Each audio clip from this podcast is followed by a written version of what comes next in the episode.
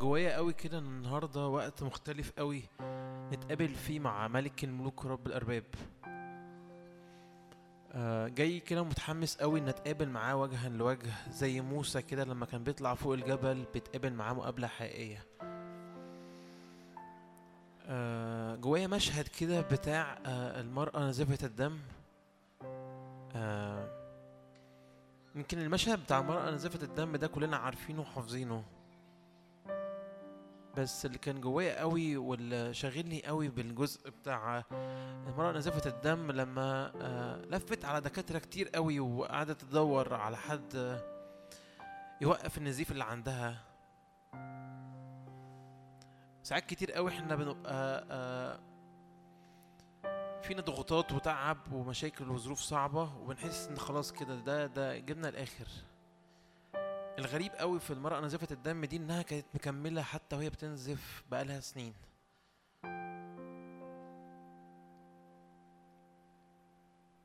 بس ال- ال- الحقيقي قوي كده وال- واللي داخل قلبي قوي ان إن المرأة نزفة الدم قالت حتى لو لمست هود بثوبه أنا هشفى. كانت مصدقة قوي ان إن في ليها حياة مصدقة قوي إن ليها شفاء. يمكن الوقت اللي فات كنت مضغوط أو مضغوطة الوقت اللي فات وحاسس إن الدنيا صعبة قوي عليك وعليكي. خلي عندك إيمان قوي ويقين قوي إن إنك النهارده تخش المقادس وتتقابل معاه وجها لوجه. تلمس هود بثوبه النهارده وتتقابل معاه. اللي جوايا قوي قوي قوي إن النهارده يبقى في لمسات إلهية لكل واحد فينا. كل واحد جاي تعبان كل واحد جاي مضغوط. النهارده يبقى في راحة كده في هدوء في طمأنينة في شفاء في حرية. فخد كده اللحظات اللي جاية كده مع نفسك كده ومع نفسك. قولوا يا رب الحتت اللي جوايا بقى لها وقت طويل قوي أنا تعبت واستنزفت بقالي وقت. وحاسة إن الوقت اللي فات ده مضغوطة قوي و... والحرب عنيفة قوي وإبليس عمال بيدوس أكتر وأكتر. قول يا رب كده أنا النهارده جاي آخد حاجة حقيقية. جاي أتقابل معاك مقابلة حقيقية. سيب بقى كل حاجة بقى أنت بقى مشغول بيها. ارفع عينك إلى الرب وارفع عينيك على يسوع لأنه موجود هنا في وسطينا. اعمل كده زي المرأة نزفة الدم. قول أنا أنا مصدقة أنا مصدقة قوي إن أنا لو لمست هود بثوبه النهاردة في شفاء ليا. صدق كده معايا وصدق. اعلن إيمانك واعلني إيمانك إن النهاردة في شفاء النهاردة في حرية النهاردة في قوة جديدة النهاردة في معونة جديدة.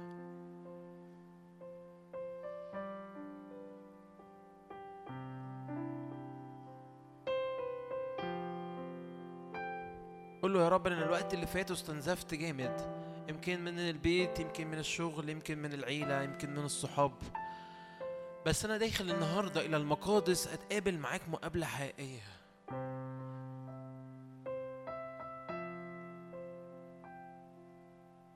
مش عايز أعمل حاجة تاني النهاردة ولا أفكر في إيه اللي حصل الوقت اللي فات. أنا عايز بس ألمس هود بثوبك النهارده.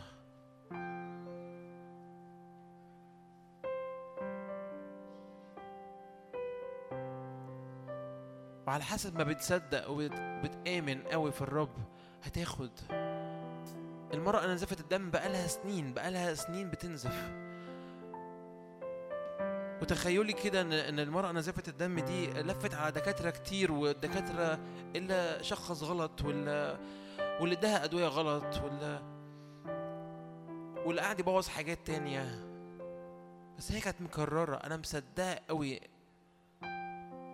إن في شفاء ليا إن لو لمست هود بثوب كان عندها إيمان أنا بالنسبة لي الإيمان ده قوي جدا.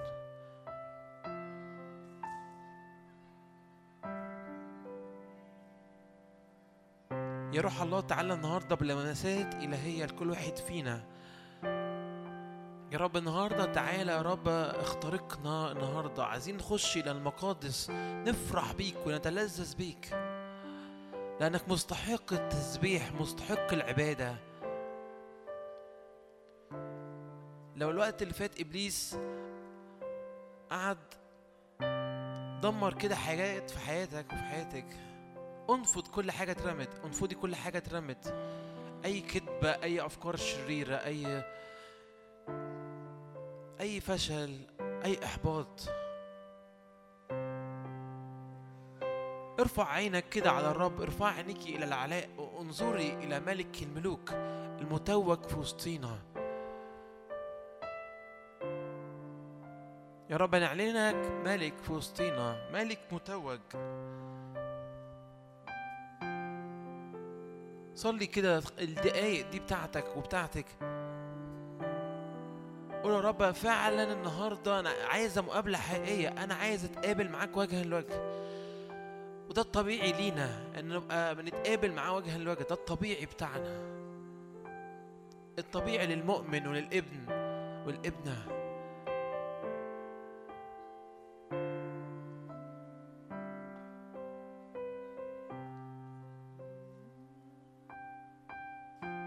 هللويا هللويا هللويا. أنت ملكي أنت إلهي أنت حصني. أنت آب الآب هللويا هللويا هللويا هللويا.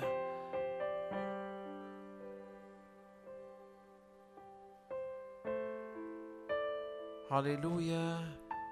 قول يا رب خدني بقرب قلبك فتقابل معاك مقابلة حقيقية وأنا في حضنك. وأنا في حضن الاب اتقابل مقابلة حقيقية. صلي كده الصلوة دي قول له خدني بقرب قلبك. هللويا.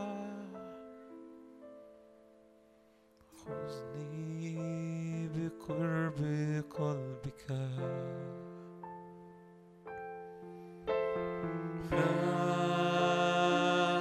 أعبدك.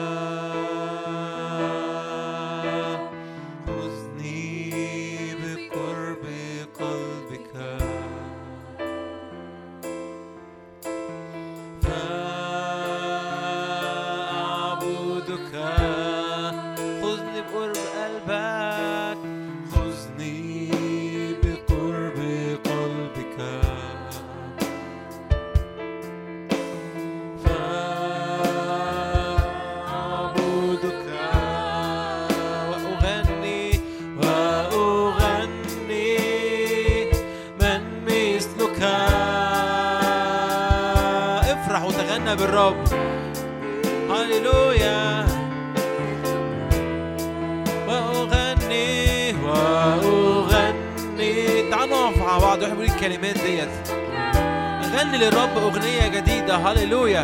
أغني من مثلك. أبي أنت وإلهي. أبي أنت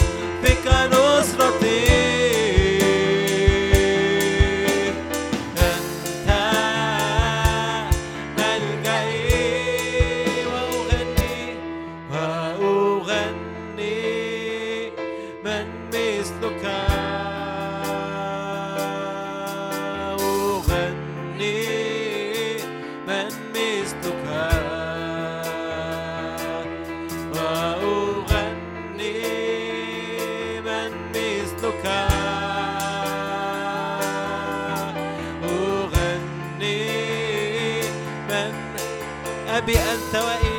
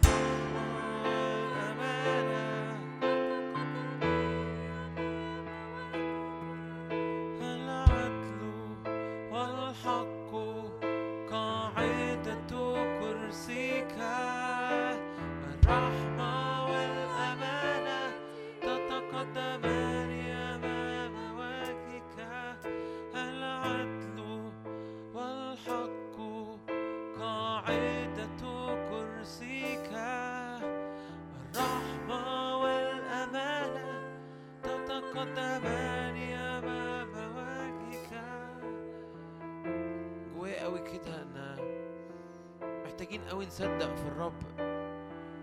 في عدل الرب وحق الرب.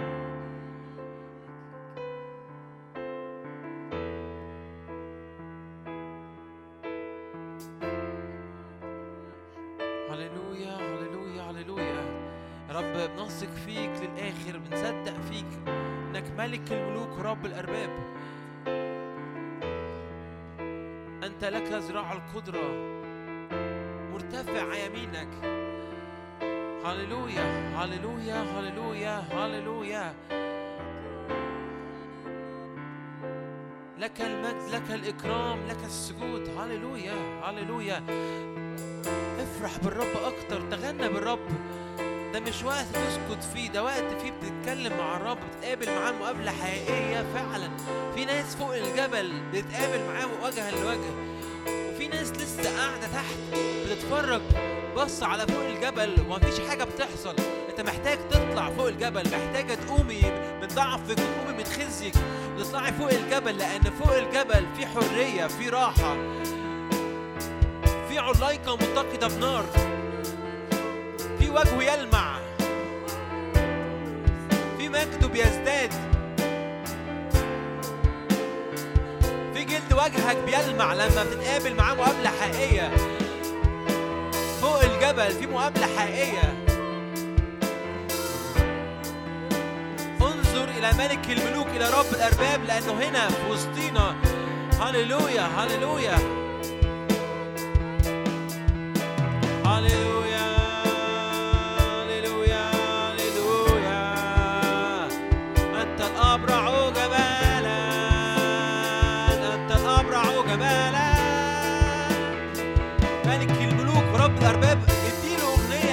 هو مستحق التسبيح.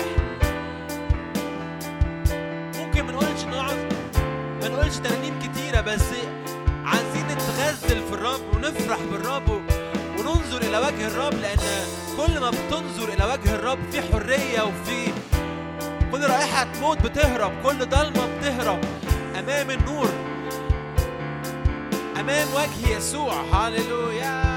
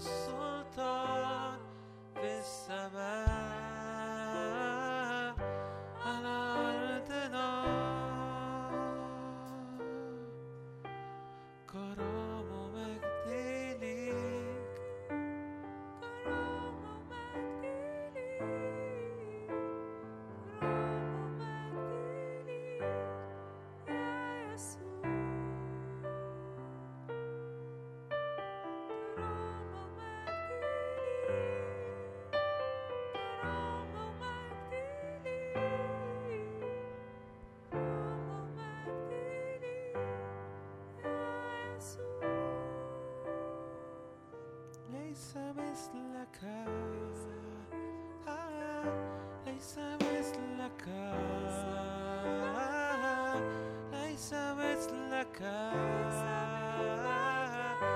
يا ربنا ليس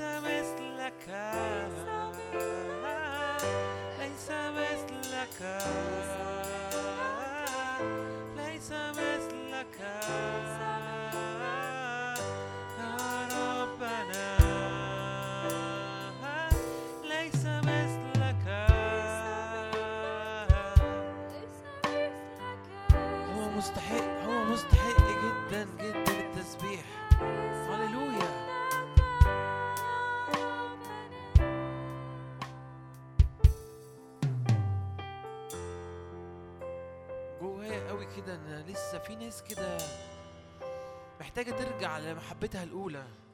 في ناس كده لسه قاعدة في حتة كده بعدت قوي.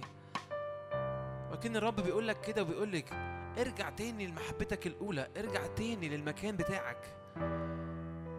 ارجعي تاني للمحبة الأولى. يمكن ما لقيتش محبة من الناس بره لكن ارجع تاني للمحبة عشان تعرف تاخد منه تاني محبة. ارجع تاني لحضن الآب عشان تعرف تاخد محبة حقيقية محبة غير مشروطة.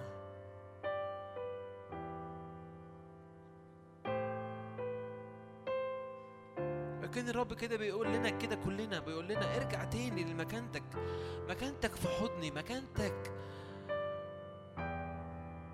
جوه قلبي.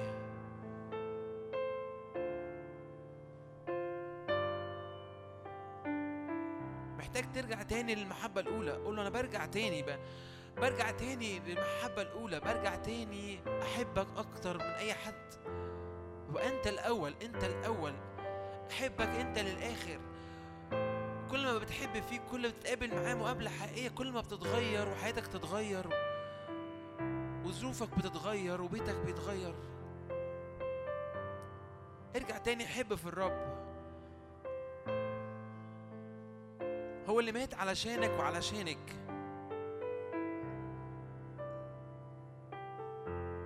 هو ذبح من أجلك ومن أجلك عشان يقول لك أنا بحبك للآخر. أنا بحبك جدا للآخر.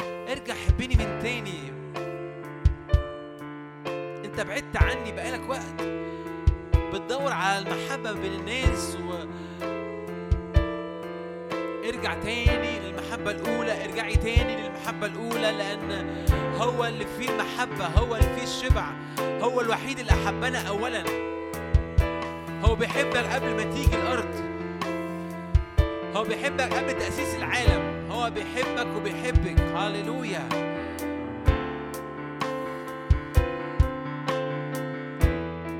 خد كده اللحظات دي كده مع نفسك مع نفسك. قول يا رب يمكن فعلا أنا بصيت بره بصيت على محبة بره وما لقيتهاش.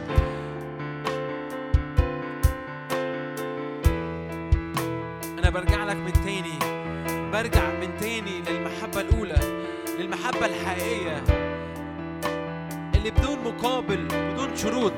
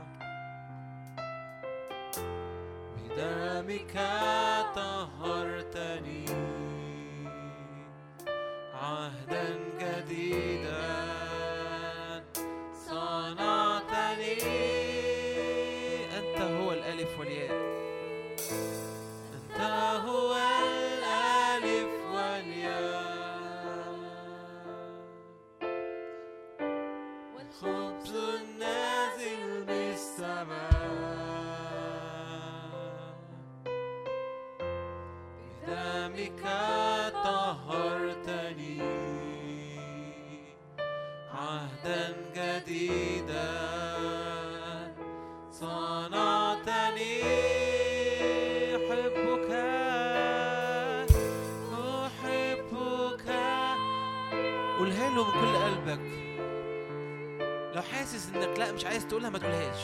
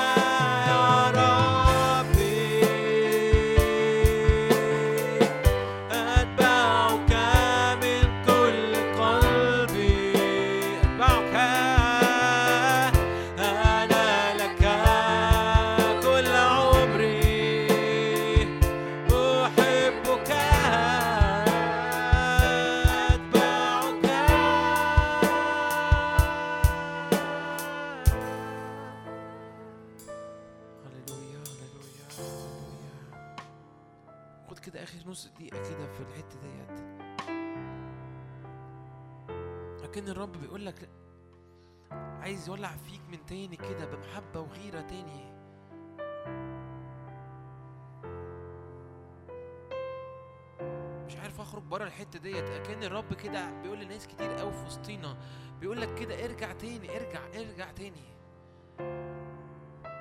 كفاك قعود في الحتة ديت كفاك قعود في هذا الجبل.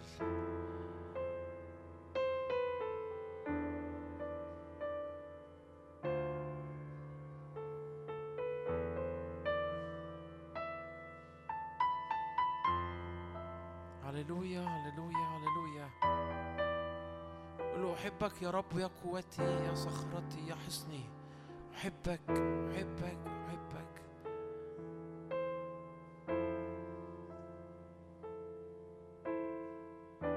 هللويا هللويا هللويا هللويا هللويا. لك المجد لك الإكرام.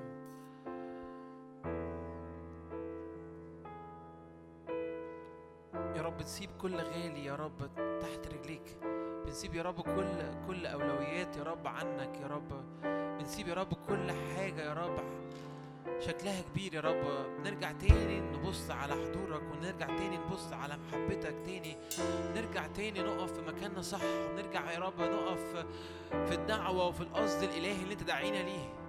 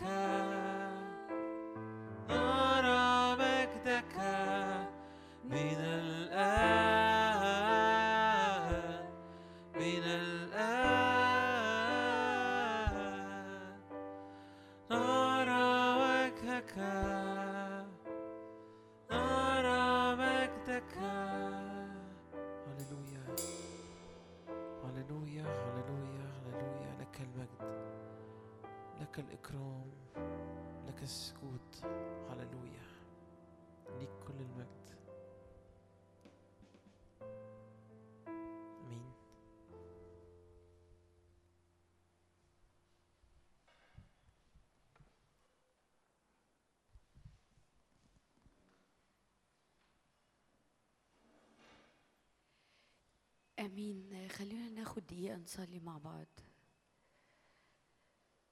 غمض عينك وغمضي عينيكي وقول يا رب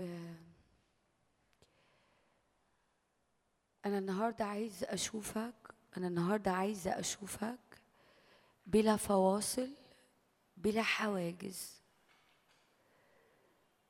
يا رب أشكرك أشكرك لأنك تتراءى لكل حد فينا.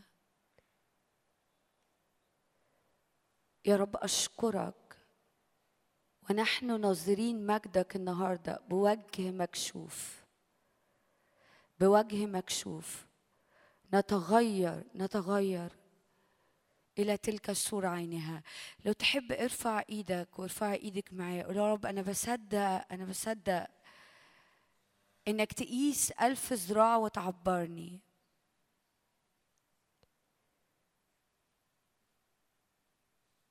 يا رب أنا أؤمن إن النهاردة محدش فينا يقف في حتة بعيدة عنك.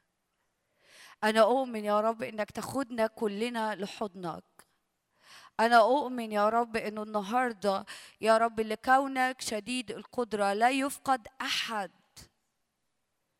يا رب من اللي أنت جاي تعمله في وسطينا. يا رب افتح الودان افتح الأذهان افتح العينين افتح القلوب افتح الأرواح. فنرى ونسمع يا رب ما يقوله الروح لينا النهارده. يا رب حوط المكان ده بسور نار من عندك. يا رب حماية دمك حماية دمك حماية دمك علينا. يا رب ارسل ملائكتك الفاعلين أمرك عند سماع صوتك. ارسل ملائكتك يا رب ارسل ملائكتك للمعونة ارسل ملائكتك بكلمات خاصة. يا روح الله خد كل حرية خد كل حرية. تيجوا نقف مع بعض كده ونقول له يا روح الله خد كل حرية في وسطينا. قول يا رب خد كل حرية روح الله خد كل حرية على حياتي خد كل حرية على حياتي. احملني حيثما تشاء. الروح يحملك الروح يحملك الروح يحملك الروح يحملك. إلى قدام عرش الآب. يا رب أشكرك لأن إحنا مش بنضارب الهوى أشكرك لأنه حي هو الرب اللي إحنا واقفين أمامه النهاردة. يا رب أشكرك لأنه اللي يأتي اللي يجيلك يا رب يلاقيك. اللي بيجيلك بيلاقيك. إحنا مش جايين كما لقوم عادة. اتعودنا نيجي يا رب. أو عندنا وقت فاضي فبنيجي. يا رب أنا بصلي النهاردة إن كل حد موجود يتقابل مع الإله الحي. اللي في وسطنا.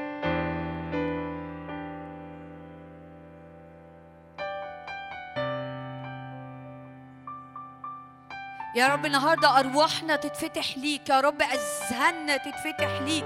يا رب ودنا تتفتح لكل حاجة خارجة من عندك لينا.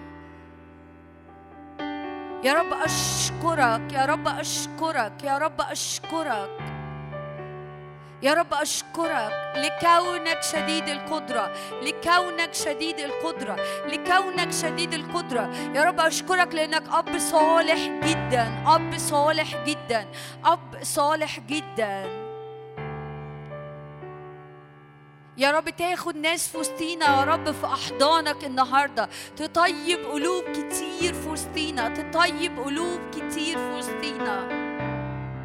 كل تعب كل انزعاج كل اضطراب كل قلق يا رب يترفع النهارده كل دوشة كل شوشرة كل تشتيت كل لخبطة كل كتمة يا رب على الأنفاس يا رب. ونفسيات ناس في وسطينا النهارده تترفع تترفع تترفع تترفع. حرية في محضرك يا رب حرية في محضرك حرية في محضرك. برش دمك علينا النهارده يا رب. حرية حرية حرية. يا روح الله خد مكانتك في وسطينا. يا روح الله خد مكانتك في وسطينا. رف يا رب على كل أرض خربة في حياة أي حد فينا النهارده. واخلق أمر جديد. أخلق أمر جديد. هللويا.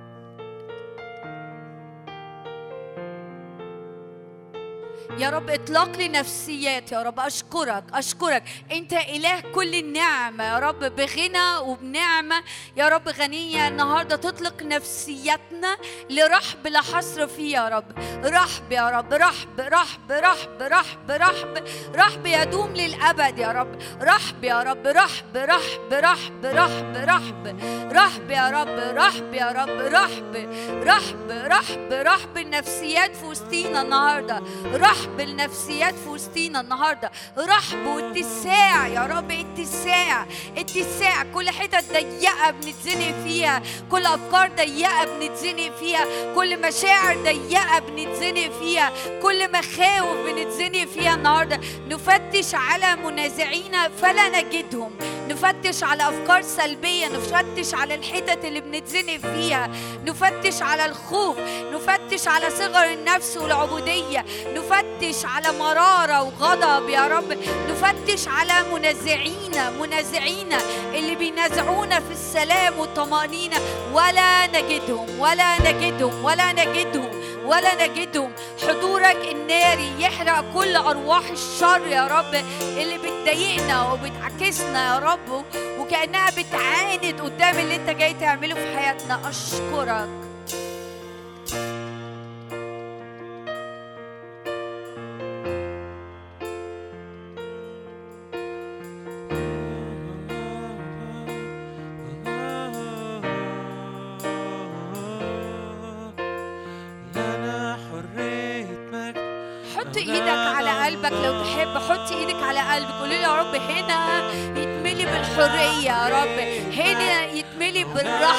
بالرحب بالرحب بالرحب. كل كتمة كل خنقة كل ضيقة كل تعب كل انحناء كل ألم كل مرارة كل حزن كل كآبة كل إحباط كل يأس يا رب. لكونك شديد القدرة حضورك في وسطينا يطلق نفوسنا يا رب النهاردة. هللويا هللويا.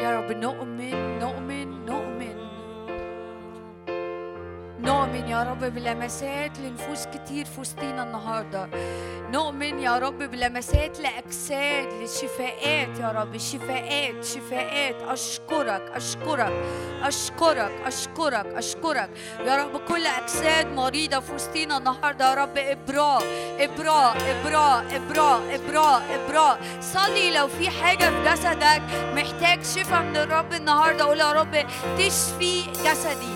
تشفي جسدي يا رب إبراء يا رب لكل مرض في العينين يا رب في الودان في المفاصل والعظم يا رب. إبراء إبراء إبراء إبراء إبراء إبراء. كل أورام يا رب في محضرك تختفي كل أورام في محضرك تختفي. أشكرك أشكرك أشكرك أشكرك. يهوى هنا الرب الشافي. يهوى رافع يهوى رافع يهوى رافع يهوى رافع يهوى رافع. يهوى رافع يهوى رافع. الرب الشافي الرب الشافي الرب الشافي. كل شفاء شفاء لأمراض المناعة يا رب.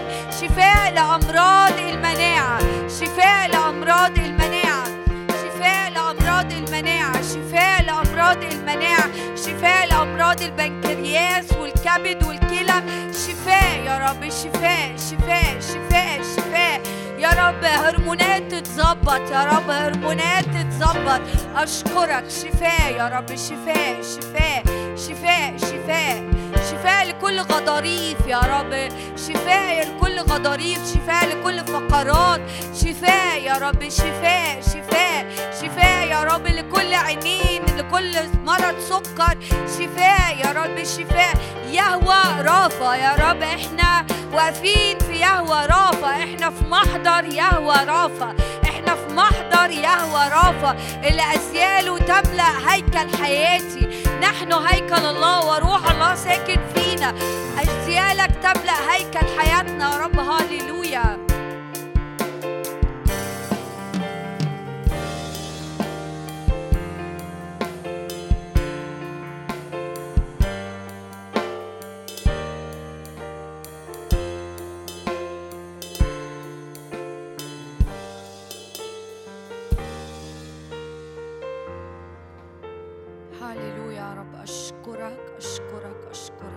بنرش دمك علينا يا رب بنرش دمك علينا يا رب ونسأل النهاردة كما في السماء كما في السماء كذلك في أرضنا يا رب كما في السماء.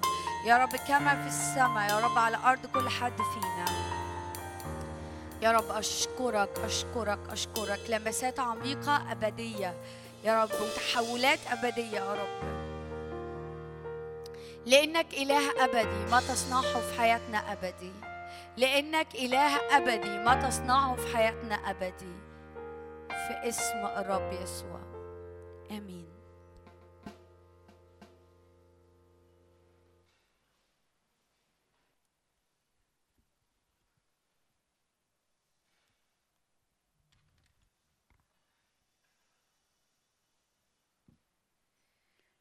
إزيكم؟ مبسوطة إن إحنا نكون مع بعض النهاردة. ومصدقة قوي يعني أنا بصدق قوي في كلمة الرب. وحتى الحاجات اللي لسه فيها حاجات أنا مش بختبرها لأنه إحنا طول ما إحنا عايشين في الأرض في حاجات كتير لسه هنختبرها من عند الرب صح ولا لأ؟ لغاية لما نتقابل يوم ورا التاني هنفضل هنبتدي نخ يعني هنفضل نخ- نختبر ونختبر ونختبر أمور من عند الرب. ما لا نهاية ما لا نهاية. لكن أنا دايما بؤمن إنه كلمة الرب حقيقية وحية وفعالة وامضى من كل سيف ذي حدين. أمين؟ أمين؟ والرب ليس بإنسان لكي يكذب. يعني دايما بقول الكلمة دي الرب مش مضطر يقول لنا حاجة آه، هو مش عايز يقولها. لكن لما بيقول حاجة يبقى هو عايز يقولها. ولما بيقول حاجة هو بيبقى عايز يقولها وعايز يعملها. متفقين مع بعض؟ متفقين؟ كلمة واحدة من كلامي لا تسقط صح؟ صح. فالرب مش مضطر يقول حاجة ولما بيقول حاجة مش بيقولها وخلاص لكن هو بيقولها وهيعملها. فأنا بؤمن إن في كل مرة بنجتمع مع بعض الرب في وسطنا. وأنا أؤمن لأنه الرب في وسطنا الحال مش بيفضل زي ما هو. يعني استحالة الرب يكون في وسطينا ونخرج زي ما دخلنا. عارفين إيه اللي يحصل؟ يعني لو حصل كده يبقى إيه اللي حاصل؟ أنا أديت ظهري للرب. أنا اللي اخترت وانت اللي اخترتي وأنت اللي اخترت إنك تدي ظهرك للرب. فاهمين أقصد إيه؟ فاهميني؟ هو الحقيقة أنا ما عنديش وعظة النهارده. لكن عندي جمل محددة وجوه قلبي الرب عايز ينقلنا فيها. خلوني أفتح معاكم.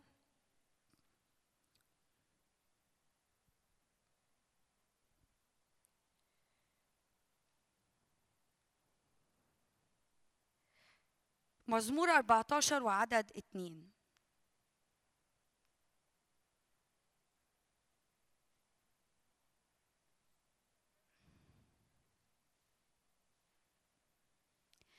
مزمور 14 وعدد اتنين بيقول كده. الرب من السماء أشرف على بني البشر لينظر. هل من فاهم طالب الرب؟ وطالب الرب دي مش لأني بطلب الرب ما أنا فين بطلب الرب؟ انت بتقولي حاجة أنا كده كده بعملها. لأ. هل من فاهم طالب الرب صح؟ وهنشوف بعد كده طالب الرب دي يعني إيه. فاهمين أقصد إيه؟ أرجع للحتة اللي كنت بقولها لكم. أنا بؤمن في كل كلمة اللي الرب بيقولها. أنا بؤمن إن الرب بيقول لأنه عايز يقول ولأنه عايز يعمل اللي هو قاله. لا أتركك حتى أفعل ما كلمتك به. فأنا أؤمن لأن إحنا موجودين مع بعض الرب في وسطنا. ولأن إحنا موجودين مع بعض والرب في وسطنا مش هنخرج زي ما دخلنا. لو فتحنا مع بعض كرونسوس الثانية 3 18 وهنرجع تاني لمزمور 14 دي آية كلنا عارفينها. لكن أنا النهاردة عايزة أقف معاكم إحنا مش عايزين نعرف. أنا بصدق وعندي إيمان ويقين إن إحنا نتنقل مع بعض والرب بيكلمنا. عارفين؟ إيه إيه يعني الرب بيتكلم ويحصل الرب بيتكلم ويحصل الرب يتكلم ويحصل. لأنه حيث كلمة الملك هناك إيه؟ سلطان. الرب يقول ويعمل. لكن أنا وأنت محتاجين نعمل إيه؟ ننقل وراه. ننقل وراه. الكتاب بيقول كده في كرونسوس الثانية ثلاثة وعدد 18 ونحن جميعا ناظرين مجد الرب بوجه مكشوف كما في مرآة. فاكرين لما قلت لكم الرب طول ما هو موجود لازم يحصل حاجة حضوره حضوره حضوره حضوره في وسطينا كجماعة حضوره في حياتك وانت بتاخد خلوتك حضوره وانت بتصلي وبتسبح حضور ملموس. يعني إيه ملموس؟ يعني بيقول إن الإله ده موجود هنا. يعني إيه بيقول إن الإله ده موجود هنا؟ يعني حضور الرب يصنع شفاء. لأنه يهوى رافع. حضور الرب يصنع حرية لأنه حيث روح الرب هناك حرية. حضور الرب يصنع فرح لأنه روح الرب مسحني لأبشر المساكين لأعطي دهن فرح. عوض عن نوح رداء تسبيحا عوضا عن الروح اليائسة. حضور الرب يعمل حاجة في حياتنا. لكن إمتى؟ وإحنا بنبص له. ممكن الرب يبقى موجود في وسطينا وأنا بعمل حاجة من ثلاث حاجات أو يمكن أكتر من كده بس ده اللي أنا مشغولة بيه النهارده. يا ببص على نفسي يا ببص على الرب من خلال ظروفي يا مدية ظهري للرب ويعني إيه بصلي كده بشفتايا وذهني وكياني مش معاه. أقول تاني؟ أقول تاني؟ حضور الرب ملموس. حضور الرب لو انت مركز مع حضور الرب ولو انت مدي كل انتباهك وتركيزك للرب حضور الرب هيعمل حاجة في حياتك مش هتخرج زي ما انت. حضور الرب لو انت واقف قدامه بالمنظر ده ونحن جميعا ناظرين مجد الرب بوجه مكشوف. أنا حاطة وشي حاطة كياني حاطة كل حاجة وتركيزي قدام الرب. أنا مركز مع الرب. ممكن أتكلم مع شيرين وشيرين بتتكلم بتتكلم بتتكلم. أنا أنا أنا أنا أنا قدام شيرين ها؟ شيرين موجودة بس كأنها بالنسبة لي مش موجودة. أنا مش في تفاعل مع شيرين. فاللي شيرين هتقوله هيتزحلق من عليا وأوقات تيجي تقول لي سمعتي يا نفين إن أنا أقوله اللي أنا قلته لك. أقول لها إيه؟ انت قلتي إيه؟ انت عملتي إيه؟ نيفين انت مش معايا. هو الحقيقي أنا مش معاكي. أوقات بنيجي في اجتماعات أو أوقات تدخل خلوتك أو أوقات تقرأ في الكتاب المقدس أنت موجود بالجسد لكن أنت مش مع الرب بالروح ومش معشق مع الرب. فتخرج زي ما أنت. وتقول لي رب أنا مش لاقي الرب ومش شايف الرب. هو حقيقي الرب كان موجود. بس أنت عملت إيه؟ ما عشقتش معاه. ونحن جميعا ناظرين. عارفين كلمة ناظرين يعني إيه؟ يعني باصص يعني مركز. يعني في المشورة أنا درست مشورة كتير. في المشورة يقول لك أهم حاجة وأنت بتتكلم مع حد بيسموها ال eye contact عينك في عينيه. ليه عينك في عينيه؟ عشان ده بيوصل رسالة إنك مركز معاه، وعينك في عينيه هتخليك مركز معاه أكتر وأكتر ومركز مع اللي بيقوله وبتستوعب اللي بيقوله. إحنا الأيام دي محتاجين نطلب الرب بالشكل ده. فاكرين مزمور 14 هل من فاهم طالب الرب؟ طب نطلبك إزاي يا رب؟ نطلبك بالطريقة اللي فيها. لما تبقى موجود أنا هنظر إليك. أنا هحط إيه؟ عينيا في عينيك. أنا هعشق معاك. ونحن جميعا ناظرين مجد الرب بوجه مكشوف. أنا مش هبص عليك من خلال أحداث وظروف. مش هبص عليك من خلال نفسي وضعفاتي.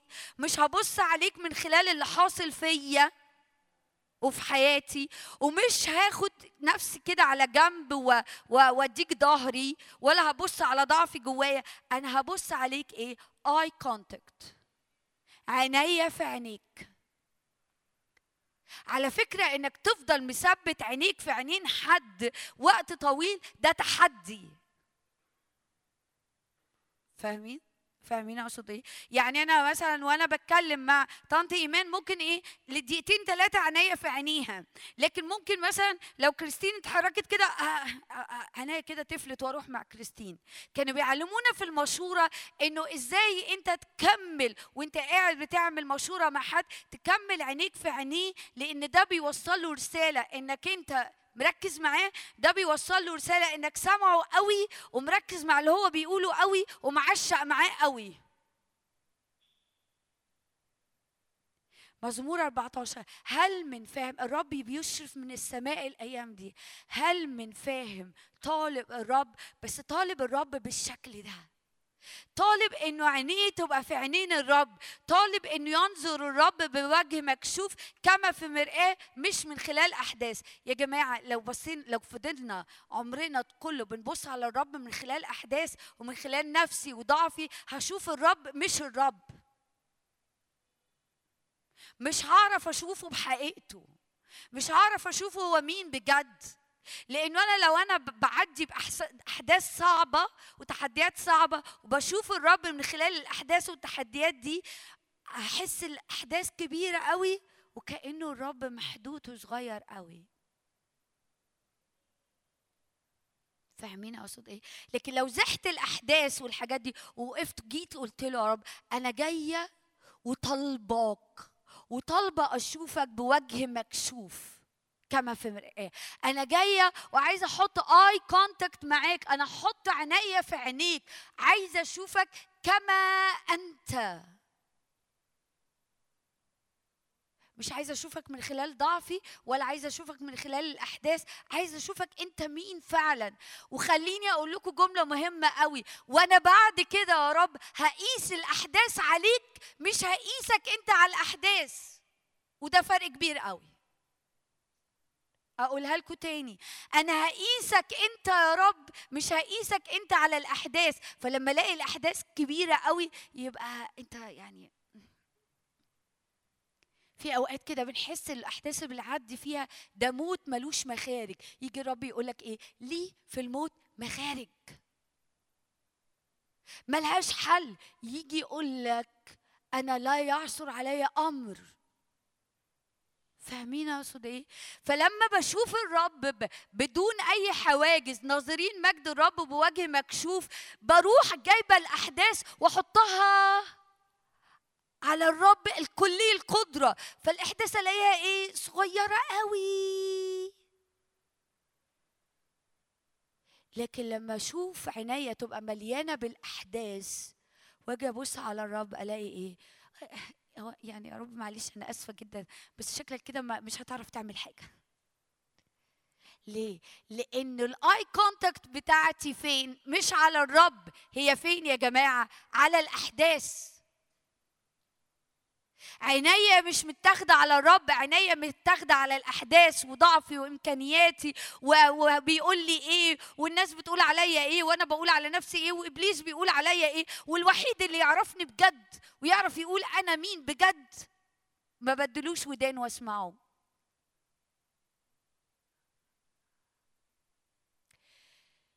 أنا قلت لكم ما عنديش وعظة بس أنا عندي جمل الرب عايز يقولها في وسطينا. بصوا أكتر حاجة من وقت جنة عدن أكتر حاجة عدو الخير بيحاول يعملها إيه؟ الانفصال بيننا وبين الرب. يشتكي على الرب. فيعمل انفصال يعمل خصام. عايز تضرب أي علاقة كده هوت بين اتنين صحاب قوي بين زوج وزوجة ادخل في وسطهم كده وحط شك. حقا قال لكم الله. هو بجد يعني ربنا قال لكم ما تاكلوش من كل شجر الجنة؟ حقا قال لكم الله ما تعملوش كده. اعمل إيه؟ دخل شك. عشان كده الكتاب بيقول في سفر الرؤيا انه المشتكي المشتكي بيشتكي على الرب قدامنا وبيشتكي قدام الرب علينا وبيشتكينا على بعض. ليه؟ لأنه زي يعني باللغة بتاعتنا كده فرق تسد. اشتكي على اتنين قدام بعض كسرت اللي بينهم. من البدء من جنة عدن. عشان يفصل ما بين آدم وحواء والرب دخل بإيه؟ بشكاية بكذب. حقا قال لكم الله؟ ولما يدخل بكذب ويشككك في قدرة الله ويشككك في صلاح الله ويشككك في محبة الله ويشككك في قدرة الله إنه يصنع حاجة في الظروف اللي أنت موجود فيها دي. عمل إيه؟ عمل فصلة بينك وبين الرب. خليني أقولها باللغة اللي بنقولها النهاردة. فصل ال eye contact فبقت مش عينيك على الرب كلي القدرة بقت عينيك على ظروفك. فبقيت بتقيس الرب في ظروفك فلأنه عينيك على ظروفك فالرب كده صغير قوي. فاهمين يا جماعة؟ هل من فاهم طالب الرب هل في ح- عارفين لما لما لما يجي حد كده ويقول لي حاجة على أشرف وأنا بقى عارفة أشرف كويس قوي أقول له معلش. يعني ما تلعبش في الحتة دي. يعني ما فيهاش كلام. ما فيهاش كلام. أنا في في في إحنا لازم نقف الحتة دي في علاقتنا مع الرب. لما يجي عدو الخير يشتكي على الرب يقول لك هو هو الرب بيحبك بجد؟ إيه، ما فيهاش كلام. طب لو اتهزيت ينفيني اعمل إيه؟ أروح أقول له أنا عايزه أحط عينيا انظرك بوجه مكشوف لاني شكلي كده هوت إيه يعني بثق 90% إنك بتحبني بس لسه في 10% كده عدو الخير بيلعب فيهم. وأنا مش عايزاه يلعب فيهم. فاهمين أقصد إيه؟ فاهمين أقصد إيه؟ لما يجي عدو الخير يقولك هو الرب يقدر بس انت بصراحة مش قادر تصدق قوي إن الرب يقدر. طب أعمل إيه؟ أسيب إن أنا مش قادر أصدق قوي وأحط عينيا وال eye contact بتاعي على الظروف ولا أروح أحط ال eye contact بتاعي على الرب وأقول له بص يا رب بس على فكرة الطريقة اللي أنا بقولها لكم دي الرب ما بيتضايقش منها. يعني إيه الرب ما بيتضايقش منك يعني الرب مش بيتضايق إن أنت تيجي تقول له بص يا رب أنا مش قادر أصدق إنك تقدر غير بنسبة 70% بس أنا مختار إنه ال eye contact بتاعي إنه عينيا تفضل مليانة بيك أنت وال70% دي تبقى 100% فأنت إيه عملت إيه؟ زي بالظبط؟ أنا ببص لطنط ايمان وطول الوقت أنا 70% عينيا في عينيها لكن جت حد اتحرك عينيا اتحركت وراه. أعمل إيه؟ علشان أكمل التواصل معاها أروح مجايبه عينيا وأروح حاطها في عينيها تاني. إبليس عايز يفصل بيننا وبين الرب لأنه عارف إن الفاصلة بيننا وبين الرب هي فاصلة بين القوة اللي إحنا هنكمل بيها كل أيام حياتنا. إيماني في الرب إيماني في هو مين على حياتي ده مصدر قوتنا. هلك شعبي بسبب عدم المعرفة في هوشع معرفة مين؟ معرفة الرب وطرق الرب ووصايا الرب. ضيع شعب خليه يكون جاهل. ده في الشعوب العادية. عايز تدمر أمة خلي الأمة دي جاهله وأوقات كتير العدو بيبقى عايزنا جاهلين. جاهلين مش بحاجة أكتر من إن إحنا نكون جاهلين بالرب مش حاطين عينينا على الرب أنا مش مش حاطط عيني على الرب ونحن جميعا ناظرين مجد الرب بوجه مكشوف نتغير إلى تلك الصورة عينيها يعني إيه إلى تلك الصورة عينيها صورة يسوع. يعني إيه صورة يسوع؟ يعني أبقى شبه يسوع؟ هتبقى شبه يسوع في إيه؟ هو عارف الآب. يعني ينفع نقول كلام كتير في صورة شبه يسوع بس أنا النهاردة عايزة أركز على حاجة واحدة. هو عارف الآب. الابن الذي في حضن الآب هو خبر. يسوع كان عارف الآب. ومن حتة معرفته من الآب ومن يعني ليه ليه يوحنا يقول لنا الابن الذي في حضن الآب هو خبر؟ عرفتهم اسمك وسأعرفهم.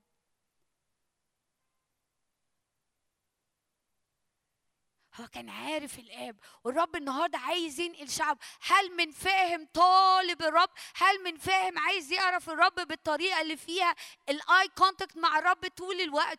ولو ال eye contact زاغت باحداثه بظروفه بضعفي كلنا يا جماعة يا جماعة كلنا بنعدي في الأوقات اللي فيها ظروف ممكن تغلبنا. بنتشتت بنتلخبط بنتوه بنزوغ. لكن شطارتك و والنعمة اللي أنا بصليها إن الرب يديها لنا النهارده إنه عينينا ترجع تاني تتحط على الرب. كل مخاصمة أنا بصلي النهارده في الاجتماع كل في مخاصمة حاصلة بين الناس والرب. عارفين يعني إيه مخاصمة؟ أنا متضايق من الرب. أنا م... أنا أنا عتبان على الرب. أنا غ- يعني أنا آه، يعني صعبان عليا من الرب. يمكن يكون عندك حق ويمكن تكون عديت في مواقف صعبة ويمكن تكون عديت في تحديات صعبة بس لو سبت نفسك لعدو الخير إنه ياخدك ويكمل المخاصمة دي والشكاية دي اللي جوه قلبك على الرب هتلاقي نفسك انتهيت لحتة فيها أنت مفصول عن الرب.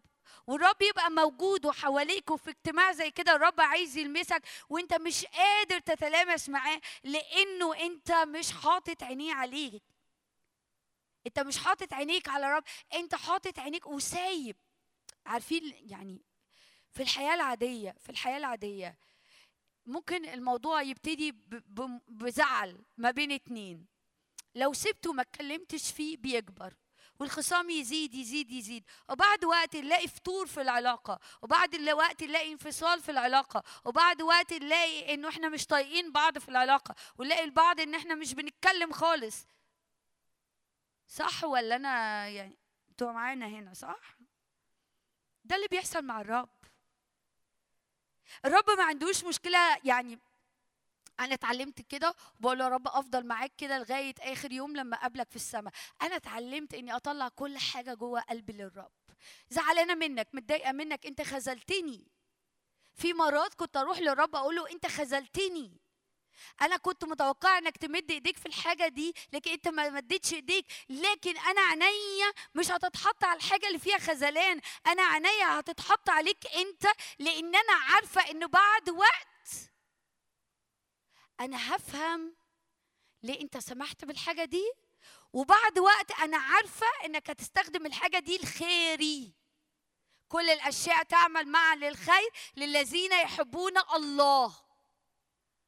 فلو أنا خصمتك دلوقتي أنا هفقد حاجات كتير وهبعد قوي وأنا عارفة إن بعد وقت هقف أقول لك كان عندك حق سامحني أنا ما كنتش فاهمة أنا عارفة إنك بتحبني فليه أضيع وقت؟ فاهميني أقصد إيه؟ فاهمين أقصد إيه؟ بصوا خليني أقول لكم حاجة بصراحة الأحداث اللي بتحصل حوالينا واللي بتحصل ح- معانا أوقات كتير قوي بنحسها تقيلة وصعبة ومليانة تحديات وكانه التحديات كده سرعتها زادت وعليت. تفتكروا ليه؟ سنة الحياة؟ لأ. الطبيعي؟ لأ. لأنه كل حاجة إبليس بي بي بيعملها عايز يعمل إيه؟ فاصل فاصل فاصل. فنتوه من الرب والرب يتوه مننا. يعني إنجاز التعبير نقول الرب بيتوه مننا بس إحنا بنتوه من الرب. بنفقد اللي الرب عايز يعمله في حياتنا بنفقد اللي الرب عايز يستخدمنا فيه. فبنبقى مؤمنين وكويسين وحلوين لكن غير مفعلين. أقول الجملة دي تاني؟ أقول الجملة دي تاني؟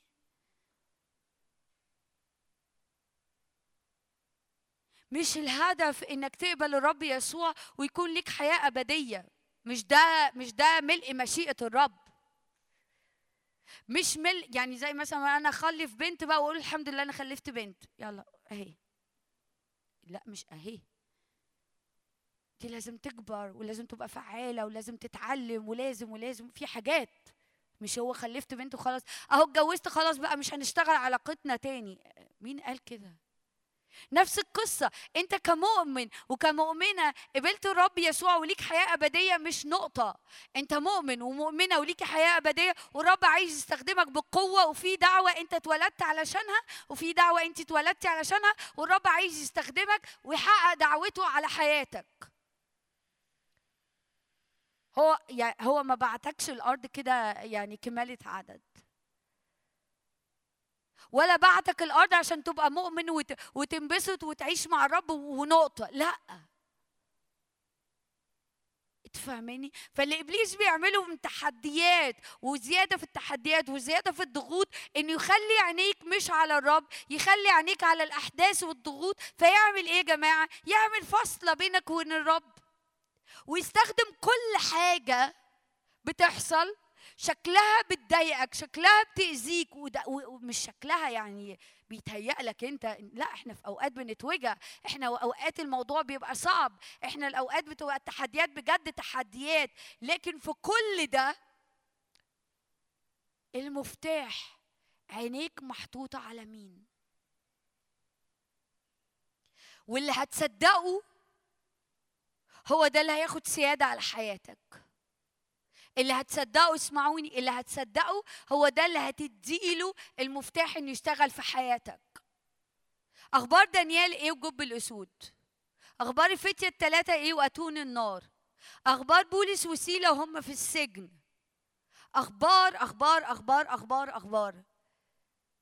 كان ينفع دانيال تبقى عينيه على الجب الأسود؟ كان ينفع الفتية الثلاثة عينيهم تبقى على أتون النار؟ كان ينفع بولس وسيرة يعني أنا ما أعرفش حد فيكم جرب إحساس السجن ولا لأ أو يبقى مقيد في في في, في كده يعني. بس أنا مرة رحت قفله في مكان ما ومسكونة. بجد ضحكوا وحددوا إقامتنا في حتة كده وممنوع نتحرك. يعني كانت العدد ساعات قليلة بس إحساس وحش قوي. يعني ما حطيناش في سجن بس هو إحساس وحش قوي إنك أنت تبقى يعني ممنوع تعمل أي حاجة. فأكيد بولس وسيلة يعني ما كانتش أسعد لحظات حياتهم إنهم يقعدوا في السجن ويسبحوا. بس بولس وسيلة اختاروا إنه عينيهم تتحط على الرب مش على أسوار السجن. فأسوار السجن خضعت للي هم حاطين عينيهم عليه. فاهمني؟ أنا مش بوعظ. أنا بقول لكم على حاجة حقيقية. وأنت هتختبرها وأنت هتختبريها في حياتك. اللي أنت هتصدق فيه هو ده اللي هياخد سيادة وسلطان على حياتك. الذي يأتي من فوق هو فوق الجميع. يا جماعة كلنا عندنا تحديات بس الرب الأيام دي عمال يعمل كده هو زي تنبيه. هتحط عينيك على إيه؟ هتصدق مين؟ هل من فاهم طالب الرب؟ طب هتعمل له إيه يا رب اللي فاهم طالب ده؟ أنا هتمجد أنا همد إيديا. أنا هت- هتدخل بأمور معجزية. طب الأحداث زي ما هي هتدخل جواك. هخرجك بمجد. فاكرين الفتية الثلاثة لما بيقول إنهم خرجوا من النار ورائحة النار لم تمسك فيهم. فيش حاجة مسكت فيهم. حتى ريحة النار ما مسكتش. أنت ممكن تعدي في حاجات وتخرج من الحاجات دي آه، صاغ سليم زي ما بيقولوا. والناس تبص عليك أنت مش كنت في النار؟ أخبار يوسف إيه وهو وهو في بيت فرعون وبيقابل إخواته بعد وقت؟ أخباره كان عامل إيه؟ خرج من الوقت ده بإيه؟ بمجد. أنتوا فاهميني؟ فاهميني؟ عدو الخير الأيام دي عايز يستخدم كل تحديات كل ضغوطات كل تعب وكانه مش كأنه ويشتكي على الرب يعمل مخاصمة بيننا وبين الرب. المخاصمة دي تعمل انفصال. فتفقد القوة بتاعتك تفقد إنه عينيك مركزة على الرب تفقد المصدر القوة اللي ليك في الرب. فيستفرد بيك أكتر. ويحط عليك حاجات أكتر ويحط عليك أحمال أكتر. بس اتفرج عليك وانت بتنتفض زي الفتية التلاتة هنحطكم في النار. عينينا مش هتشوف النار. عينينا مش هتركز على النار. عينيا هتركز على الله الإله القدير اللي أنا بعبده. ده اللي هيصدقه وده اللي عينيا هتركز عليه وده اللي هرفع عينيا عليه. مش هحط عينيا على النار. الشجاعة والقوة وال- والجراءة كل حاجة الرب اللي عايز يطلقها في حياتك هيطلقها. لما الملك قال لهم تيجوا نفتح ده أنا عايزه أفتح الحتة بتاعت الفتية في دانيال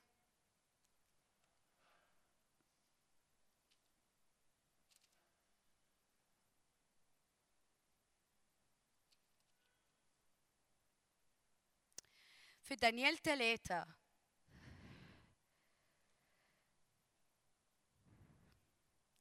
في دانيال ثلاثة وعدد 15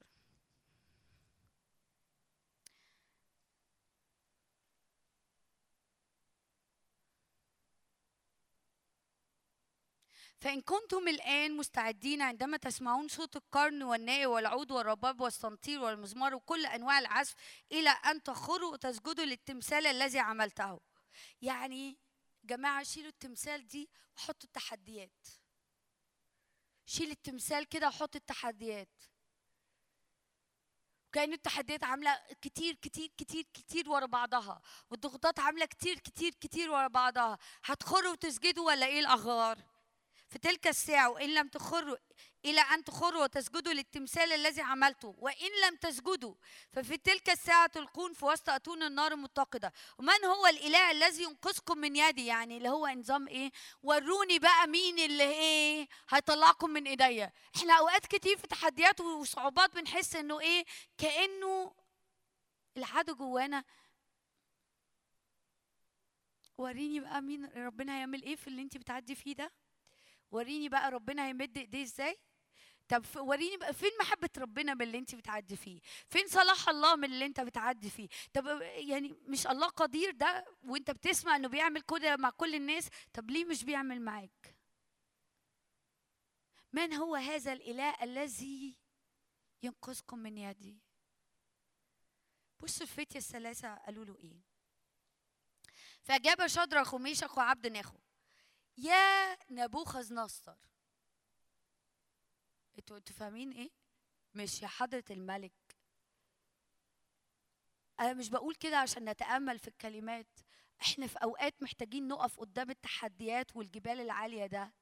من انت ايها الجبل العظيم؟ امام زربابل امام الرب تصير سهلا. يا نبوخذ نصر. يعني طب طب يعني ظبط نفسك شوية. طب لم الدور شوية.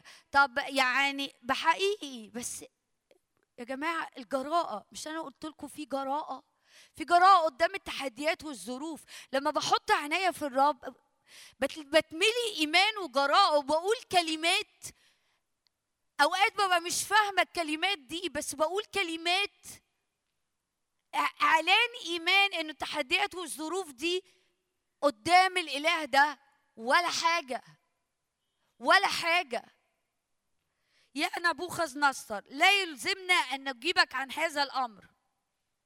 هوذا يعني بص بقى أنا مش هرد عليك. يا جماعة في أوقات كتير إحنا مش محتاجين نرد على تعييرات العدو وشكايات العدو وأصوات العدو وفين بقى إلهك والرب هيعمل لك إيه؟ طب بص بقى أنت كنت متوقع إنها تفرج من الباب ده؟ ده الباب ده كمان اتقفل. انت كنت متوقع فلان ده هيحل الموضوع فلان ده باعك. انت كنت متوقع انه دي هتفرج دي ما افرجتش. كانه الدنيا قفلت. يا نبوخذ نصر لا يلزمنا أن نجيبك على هذا الأمر. إحنا مش هنرد عليك إحنا مش هنتناقش إحنا مش هناخد وندي إيه اللي حاصل. طب هتعملوا إيه أنتوا التلاتة؟ هوذا يوجد إلهنا الذي نعبده. يستطيع أن ينجينا من أتون النار المتقده إحنا في إله اللي بنعبده يقدر يطلعنا من أتون النار. ده اللي محتاجين نعمله مع كل شكاية يجي بيها عدو الخير الأيام دي على حياتنا. مع كل تحديات مع كل تعييرات مع كل مرة يجي يقول لك عدو الخير زي نبوخذ نصر لما قال في ثلاثة فين إلهكم؟ ورونا إلهكم. ورونا إلهك. مش صدقتي فيه؟ مش امنتي فيه؟ ويمكن في أوقات كتير أهل بيتنا ممكن يقولوا لنا كده. مش انت صليتي؟ صلاتك دي عملت حاجة؟ صمتي صومك ده عمل حاجة؟ سجدتي سجودك ده عمل حاجة؟ ما هي المشكلة زي ما هي والحاجة زي ما هي والدنيا زي ما هي. صدقوني صدقوني هل من فاهم طالب الرب صح؟ هل من فاهم حاطط عينيه على الرب مش على الظروف والأحداث؟ هل من فاهم مصدق في الرب قوي؟ حتى لو بنسبة 50 60% ويقول له يا رب أنا عايز أصدق فيك للآخر أنا عايز أعرفك للآخر فصدق فيك للآخر.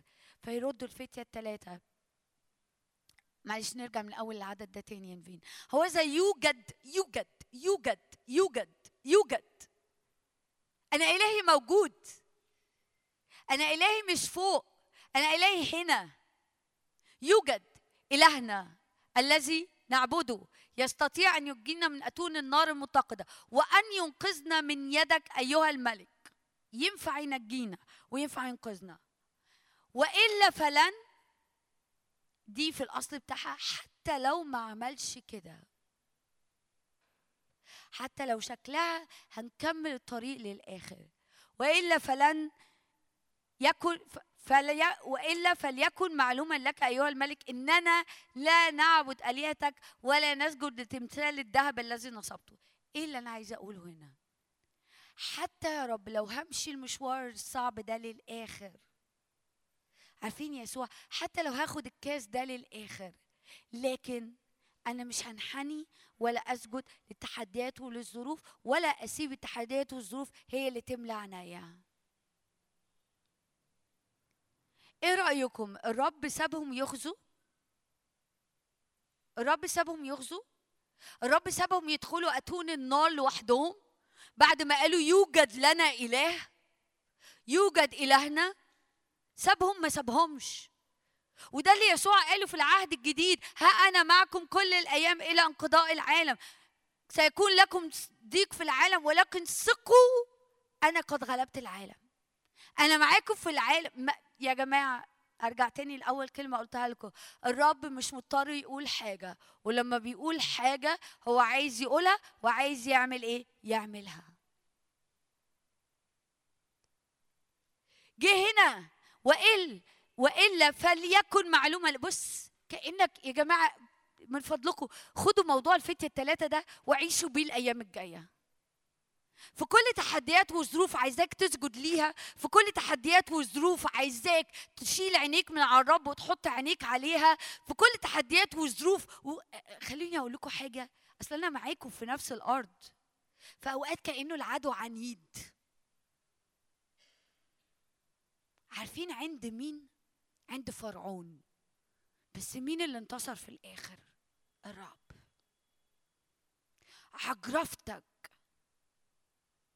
كل عجرفة للعدو كل عناد للعدو. اقف كده بثقة وإيمان اقفي بثقة وإيمان إنه الكلمة الأخيرة للرب. زي قدام عجرفة فرعون وعناد فرعون يد الرب خرجت الشعب بآيات وعجائب بيد عظيمة جدا. بتعاند. هخرج. هخرج. هخرج وأعيد للرب زي ما شعب الرب خرج وعيد للرب وخرج بآيات وعجائب. أنا هخرج. حتى لو أنت بعناد عمال تتقل. أنا مش عايزة أنقل لحتة شعب الرب بس إيه، هدول فرعون فرعون تشبيه لإبليس. طب أنا لا مش هيخرجوا. ومش بس مش هيخرجوا هتقل الأحمال هتقل المتطلبات.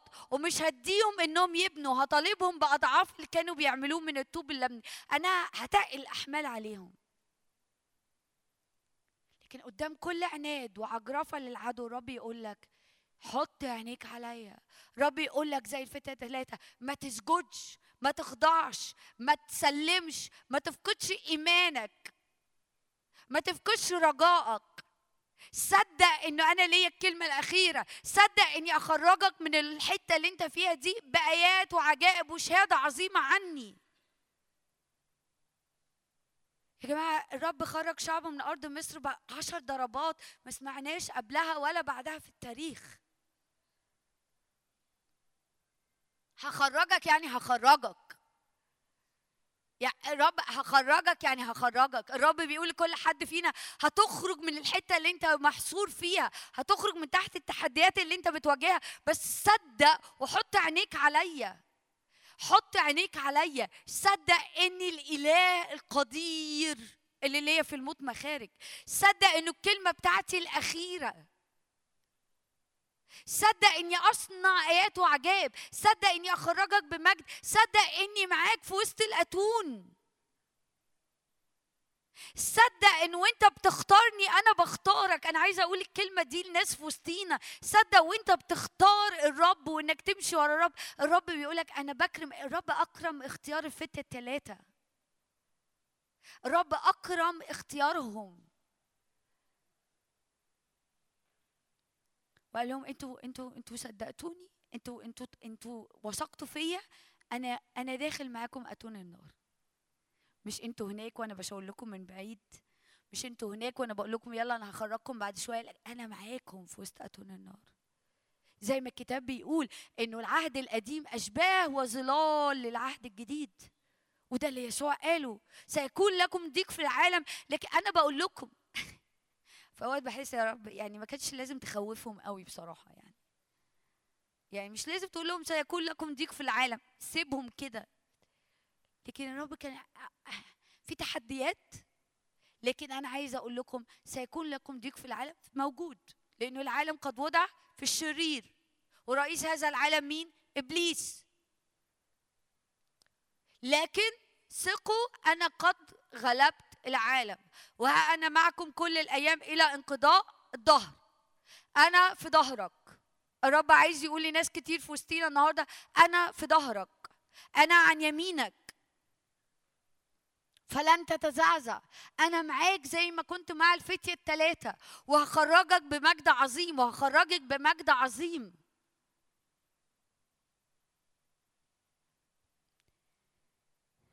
خلوا بالكم. إحنا بنقولوا أيوه يا رب انت كنت مع الفتية التلاتة خرجتهم بمجد عظيم لكن ما بنشوفش الفتية التلاتة عملوا إيه عشان يخرجوا بمجد عظيم؟ فاهمين اللي أنا بقوله؟ فاهمين اللي أنا أقوله؟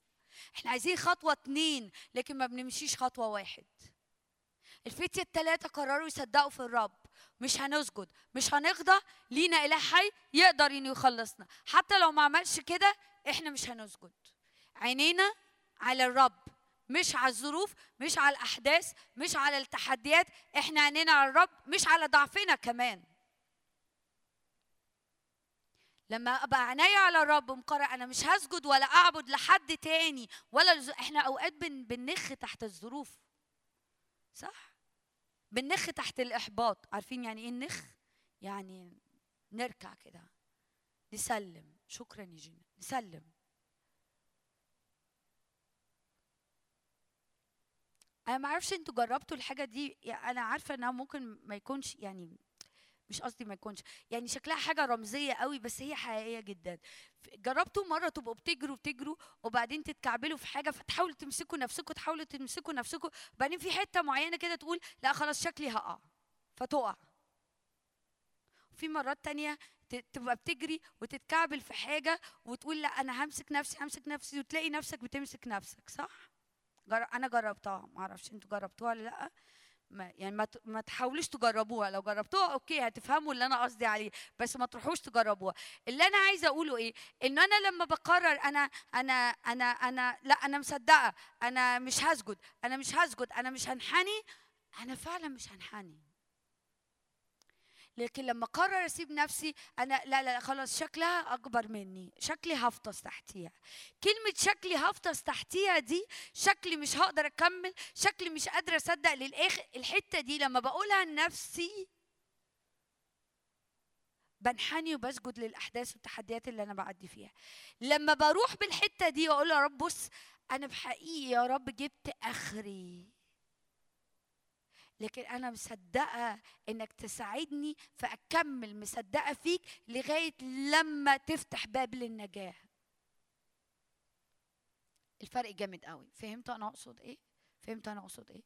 فأرجع تاني. أوقات أنا ببقى عايزة أختبر الاختبار بتاع الفتية الثلاثه ودانيال في جب الأسود لكن أنا ما عملتش خطوة الوح الأولى. ينفع أنا وأنا في ال في ال في الجراج بره كده أروح نط على القاعة؟ أنا لازم أطلع على سلالم. فأوقات أنا بقى عايزة أختبر حاجات لكن أنا ما عنديش استعداد أمشي المشوار اللي يوصلني للحتة اللي أختبر فيها اللي الرب بيقوله. الفتية الثلاثه كان عندهم مشوار. ده مشوارهم. ده تاريخهم مع الرب. عشان كده بن- بنلاقي ناس بتواجه تحديات أصعب من اللي إحنا بنواجهها ونقول الناس دي صامده ليه؟ لأنها عندها مشوار شخصي ماشياه مع الرب، في حاطة عينيها على الرب، في مصدقه مين هو الرب، في طالبة الرب بجد، فالرب بيتراءى في كل حاجة حاصلة في حياتهم. وما بينخوش ما بيستسلموش ما بيركعوش ما بيسجدوش قدام التحديات اللي بيعدوا فيها فهنا بيقول له إيه؟ وإلا فليكن. معلوما لك أيها الملك إننا لا نعبد آلهتك ولا نسجد للتمثال الذهب الذي نصبته. حصل إيه يا جماعة؟ امتلأ نبوخ- نبوخذ نصر غيظا غيظا. زي فرعون بالظبط. طب أنا هزود الموضوع. أوقات لما بنيجي نقف قدام طب أنا هزود. اعرف اعرف اعرف اعرف اعرف لما تلاقي الحاجة بتزيد إنه أنت ماشي صح. لأنك ماشي عكس التيار ماشي عكس الاتجاه. أقول لكم حاجة كده غريبة عارفين السمك الميت بنعرفه إزاي؟ بيطلع على السطح ماشي بيطلع على السطح بس بيمشي مع الموجة. السمك الحي يمشي عكس الموجة ويلاقي مقاومة وهو ماشي. يلاقي مقاومة وهو ماشي. طب بس أنا أنهكت جدا يا نفين أنا مش قادرة. إله كل نعمة دي هنفتحها في الآخر. إله كل نعمة يقوينا في بطرس الأولى هنفتحها مع بعض نختم بيها. في إله هو, هو مش هيسيبك تفطس. هو مش هيسيبك تجيب آخرك. عارف ليه؟ عارفة ليه؟ لأنه بيحبك جدا. بيحبك جدا. لو أنت أب هتفهم اللي أنا بقوله لو أنت أم هتفهم اللي بقوله. لو أنت بنت أو ابنة ولسه ما اتجوزتش وما اتجوزتيش وما عندكيش ولاد هتفهميها من بابا وماما. لأنه بيحبك جدا. عمر ما في أب يسيب ابنه لغاية لما يجيب آخره ويفطس. شفتوها دي؟ شفتوها؟ ما بتتشافش. ولو اتشافت تبقى حاجة غريبة ويعني وربنا يرحمنا. فاهمني؟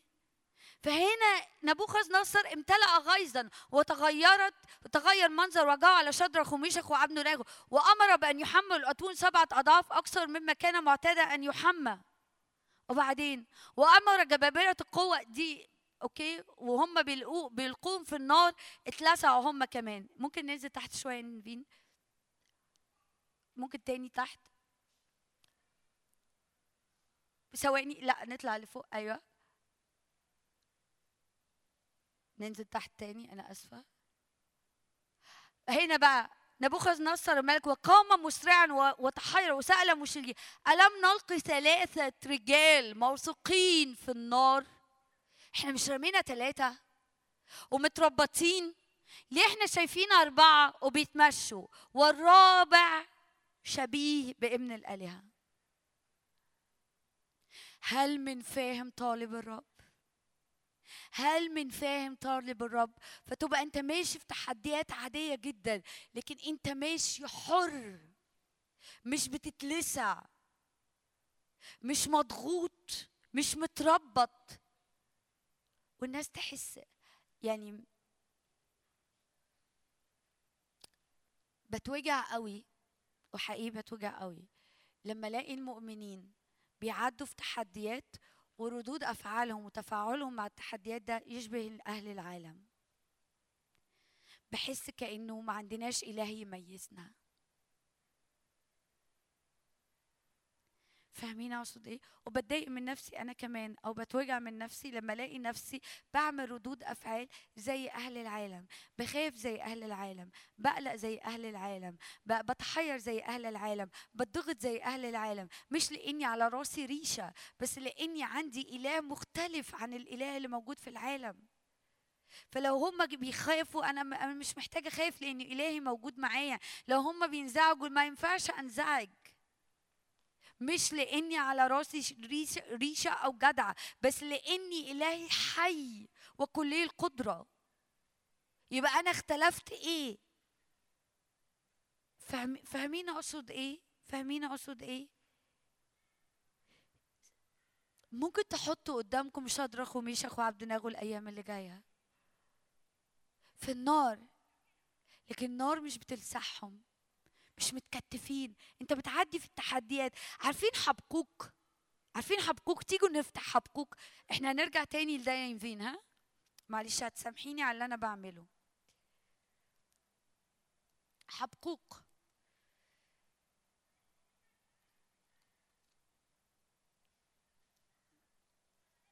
حبقوق بيقول إيه؟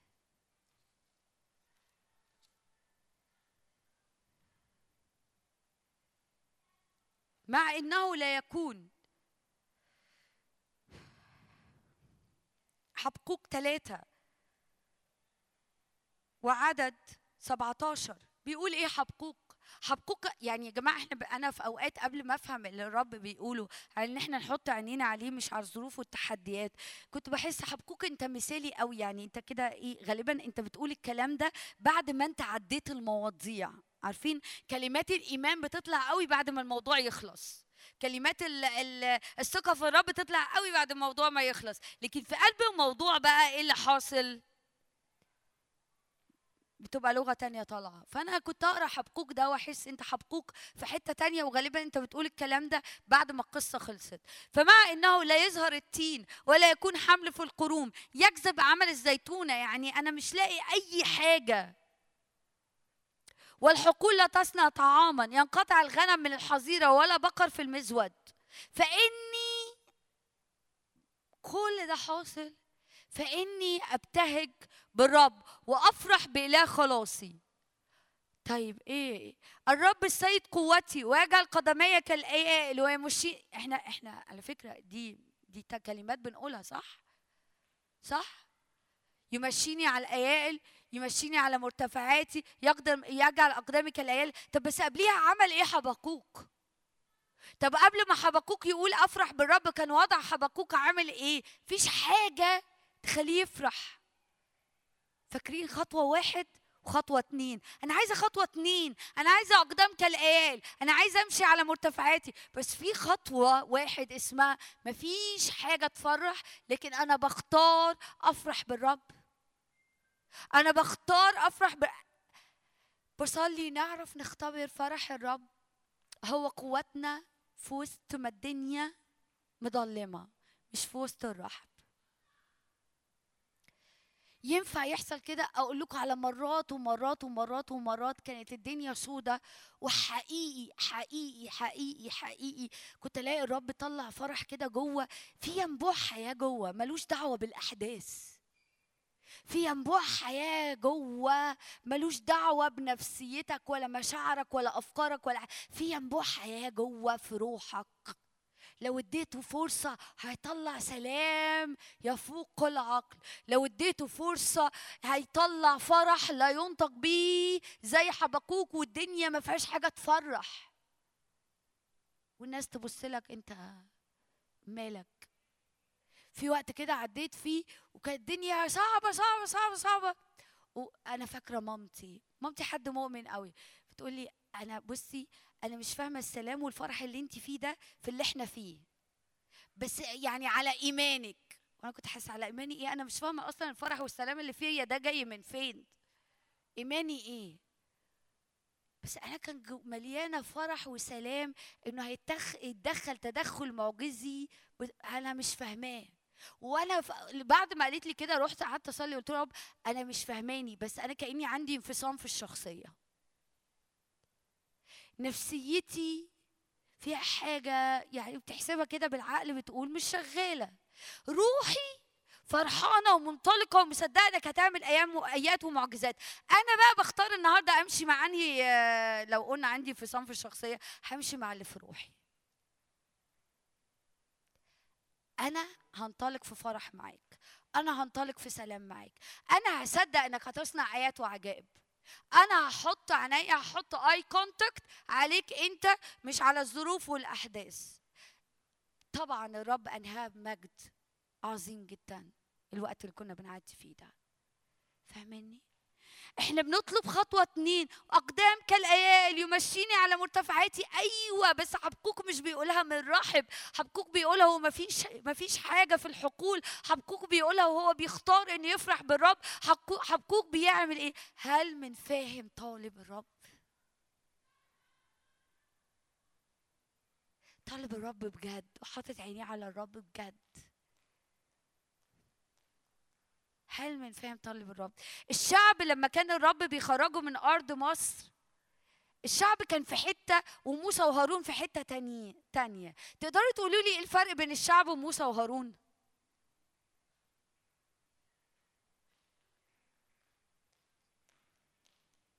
عارفين مزمور 100 و 105 لما بيقول عرف موسى طرقه أما بني إسرائيل أفعاله. موسى عرف الرب وعرف طرق الرب. عرف الرب بيمشيها إزاي عرف الرب بيعملها إزاي عرف ان افكار الرب تعلو عن افكارنا عرف ان طرق الرب عجيبة قوي. فموسى قرر يعمل إيه؟ يحط عينيه على الرب. الشعب عامل إيه؟ اللي حاصل في الأرض. ده فرعون زود الأتقال. وراحوا قالوا لموسى إيه ده أنت نتنت ريحتنا عند الم... انت. يعني يا ريتك يا أخي كنت سبتنا في اللي إحنا فيه ده تقل علينا أكتر. وموسى وهارون كانوا في حتة تانية خالص. أنت بتحاولي تطلعيها صح؟ طيب. 103 أنا آسفة 103 شكرا. فاهميني أقصد إيه؟ فاهمين أقصد إيه؟ حناية على مين؟ عشان كده يعني وعرف موسى طرقه وبني إسرائيل أفعاله. 103 هو عرف موسى طرق عارفين يعني إيه نعرف طرق الرب يا جماعة؟ نعرف هو بيفكر إزاي. نعرف إن هو مش قصدي بيفكر إزاي بس فكره من ناحيتنا أفكار سلام لا شر. لا شر. الحاجة اللي بتحصل عارف لو وقفت في اللي انت بتعدي فيه ده وقلت أنا عارف إن أفكارك من ناحيتي أفكار لا سلام لا سلام لا شر والحاجة دي هتنتهي بسلام يعني هتنتهي بسلامي. حطيت عينيك على هو مين وطرقه وأفعاله في حياتك شكلها عاملة إزاي. لو في رو- زي روميا لما كان بيقول إنه مشيئة الرب إيه؟ صالحة وكامله ومرضيه مشيئتك ليا صالحة يعني مليانة بالخير وكاملة يعني ما فيهاش حاجة ناقصة. بص يا ربي يعني هو الموضوع ده كان يبقى حلو قوي بس الحتة دي ناقصة منه. ومرضية ترضي قلبي. عرف موسى طرقه وبني إسرائيل أفعاله.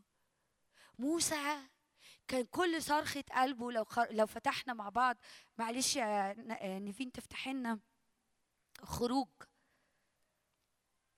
33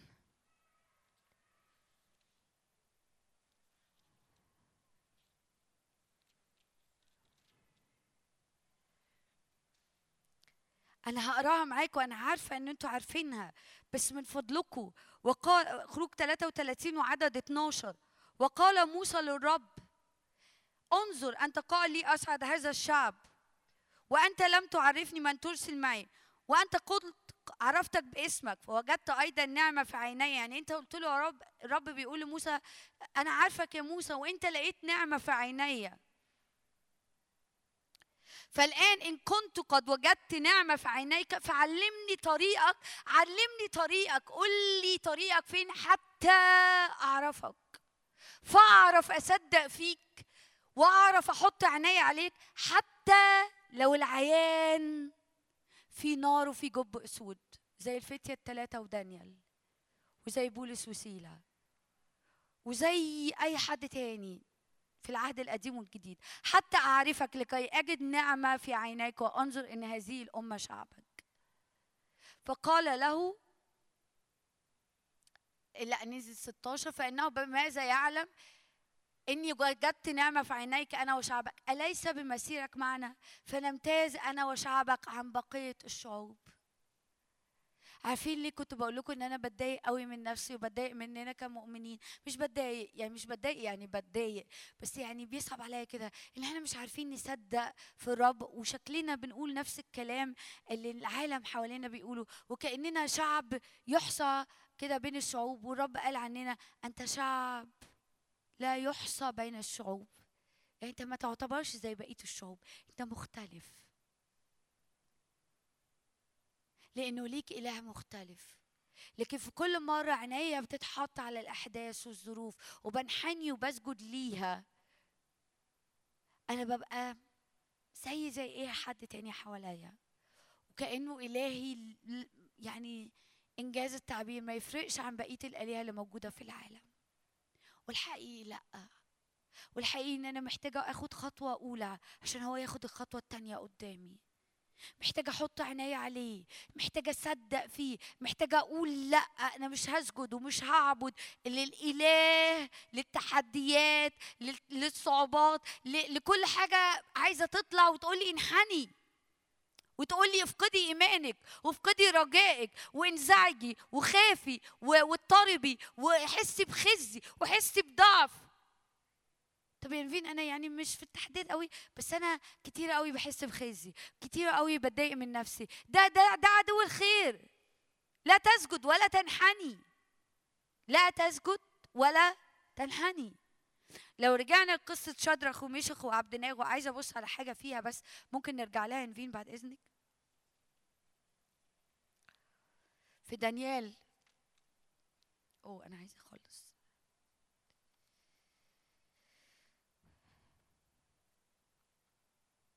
أيوة ننزل تحت شوية. ننزل لغاية لما لقوا في النار ثلاثة أربعة وشبيه بابن الآلهة.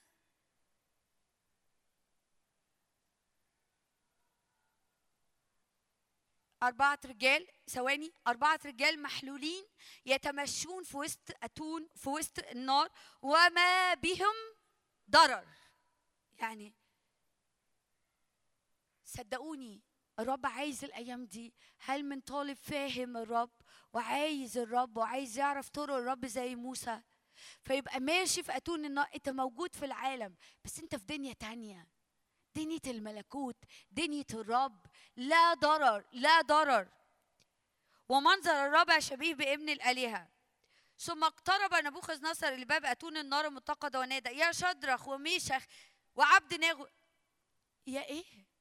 يا عبيد الله العلي نعم نعم نعم. أنت من قبليها بكم عدد بتقول لهم وروني مين إلهكم لا يقدر ينقذكم. أنت بتقول إيه؟ يا شدرخ وميشخ وعبد ناغو يا عبيد الله العلي اخرجوا وتعالوا. بعدين ننزل تحتيها كم آية كده؟ ولم وراء هؤلاء الرجال الذين لم تكن للنار قوة على أجسادهم وشعر من رؤوسهم لم تحترق وسراويلهم لم تتغير ورائحة النار لم تأتي. تخرج من اللي انت فيه ده زي ما نقول كده صاغ سليم. بس خليني أزود حاجة. تخرج من اللي أنت فيه ده وأنت مليان ثقة ويقين في إلهك أضعاف أضعاف.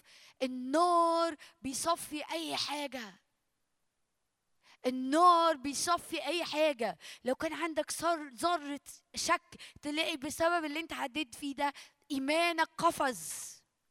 بسبب اللي انت عديتي فيه ده ثقتك في الرب بقت بلا حدود. بسبب الإيمان اللي انت عد... بسبب الظروف اللي انت عديت فيها ده اختبرت فرح انت ما اختبرتهوش في أسعد لحظات حياتك.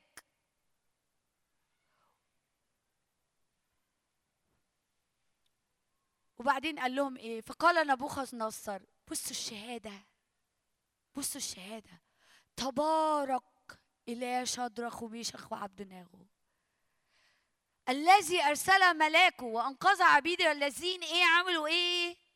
اتكروا عليه. وعملوا إيه؟ وغيروا كلمة الملك. بعد كده ما بقاش في موضوع أتون النار ده تاني. غيروا كلمة الملك. غيروا كلمة الملك. نغير أحداث وإحنا في وسط التحديات.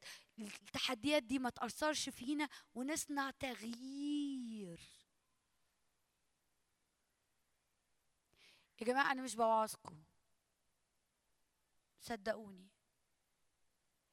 خدوا شدرخ وميشخ وعبد ناغو خدوا ال ال ال الأصحاح ده كده وفصفصوه مع الرب. واكتبوا اللي الرب هيقول لكم فيه الوقت اللي جاي. عيشوا بيه عيشوا بيه. ده زي خريطة للوقت اللي جاي. خريطة للوقت اللي جاي. خريطة للوقت اللي جاي. عايز تغير كلمة عدو الخير على حياتك؟ اسجد للرب. صدق في الرب. حط عينيك على الرب وقول أنا مش هسجد للتحديات وللظروف. أنا مش عايزة أعيد نفسي عشان وقتنا لازم نخلص. بس هنا بيقولوا إيه؟ تبارك إله شدرخ وميشخ وعبد ناغو الذي أرسل ملاكه وأنقذ عبيده الذين اتكلوا عليه وغيروا كلمة الملك. أنا فاكرة أنا فاكرة أنا فاكرة لمجد الرب.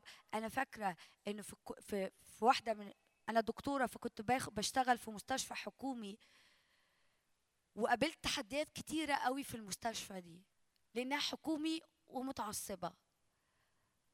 فلكم أن تتخيلوا الوضع كان عامل إزاي. تحديات تحديات تحديات تحديات.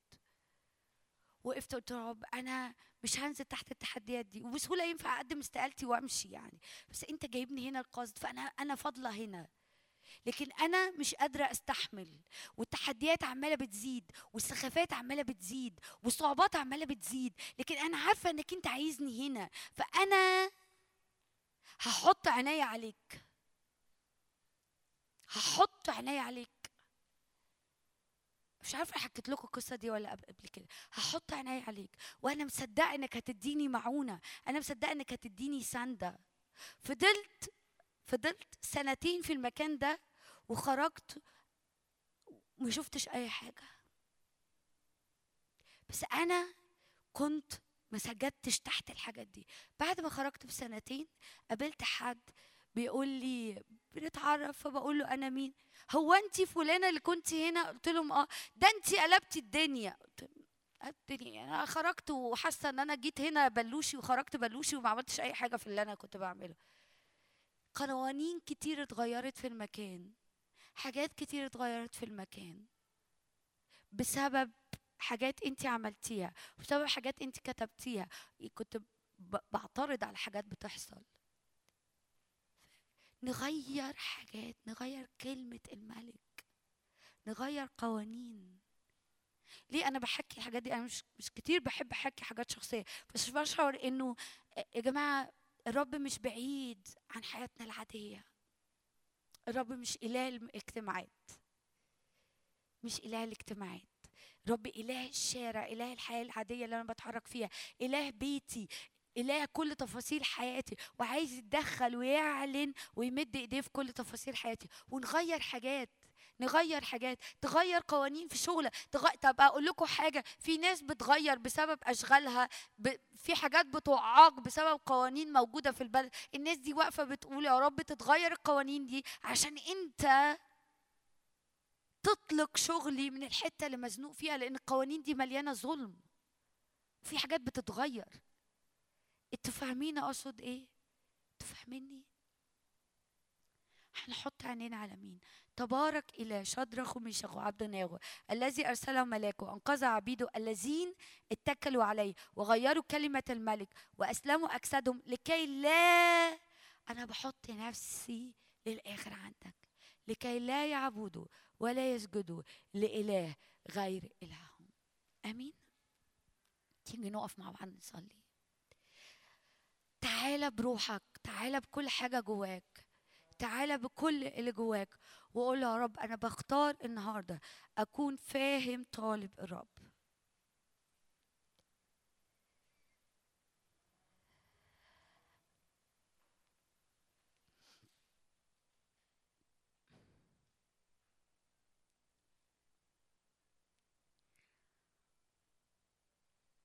ما تستنانيش ما تستنينيش عشق مع الرب عشقي مع الرب حط عينيك على الرب اعمل اي كونتاكت مع الرب اعمل تواصل بعينيك تواصل بعينيك يعني تواصل بروحك تواصل بأعماقك.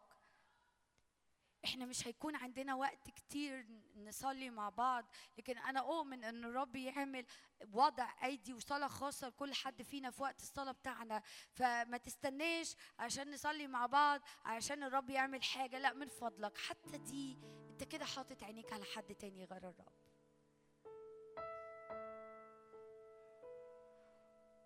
وأنا اشعر في روحي ان دي حاجة لا ترضي قلب الرب.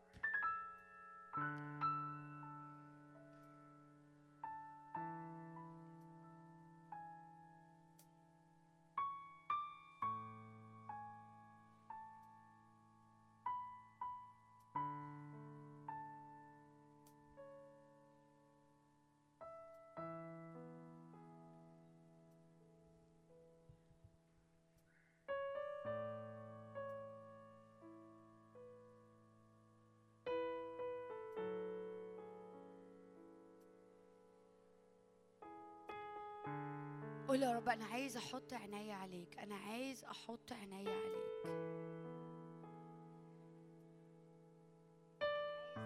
أنا عايز أحط عيني عليك يا رب.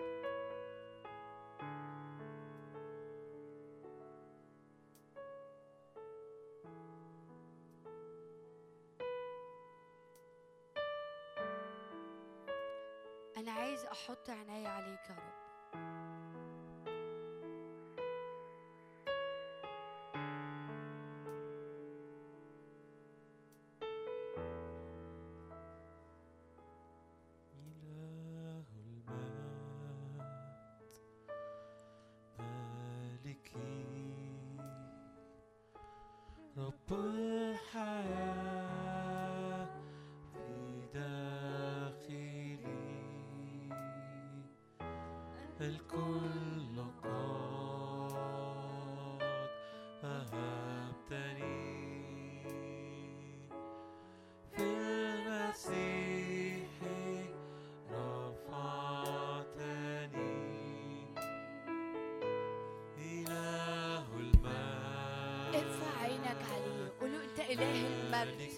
انت مالكي انت سيدي انت إلهي. انت إلهي انت ملكي. انت رب الحياة اللي أعبدك وأسجد ليك.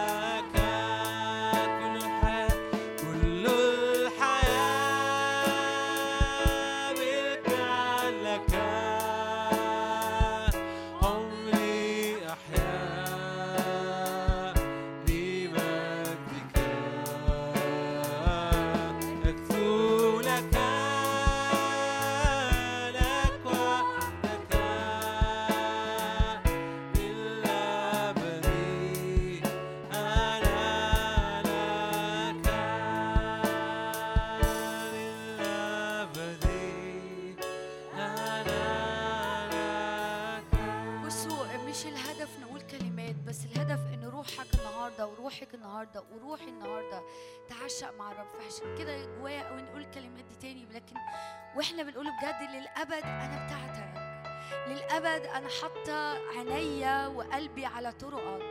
أنا مش عايز أكون زي شعب إسرائيل اللي عرف أفعالك لكن لما لما آه، اتخبط إنه مفيش حاجة حاصلة في أرض الواقع اداك ظهره ومشي اداك ظهره ومشي. أنا عايزه أبقى زي موسى أعرفك أعرفك أعرفك وأعرف طرقك أعرفك وأعرف طرقك.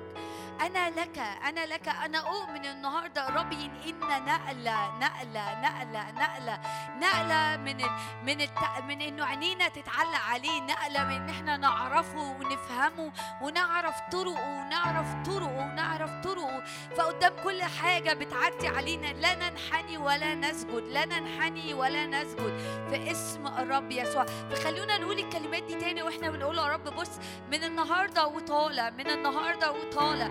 إحنا مش عايزين نعرف أفعالك إحنا مش عايزين نعرف تدخلاتك في الظروف إحنا عايزين نعرف طرقك إحنا عايزين نعرفك نعرفك ونعرف طرقك إن كنت قد وجدت نعمة في عينيك فعلمني طريقك حتى أعرفك.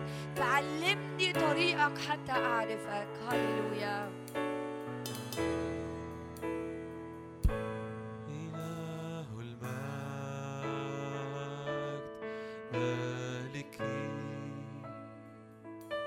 رب الحياة.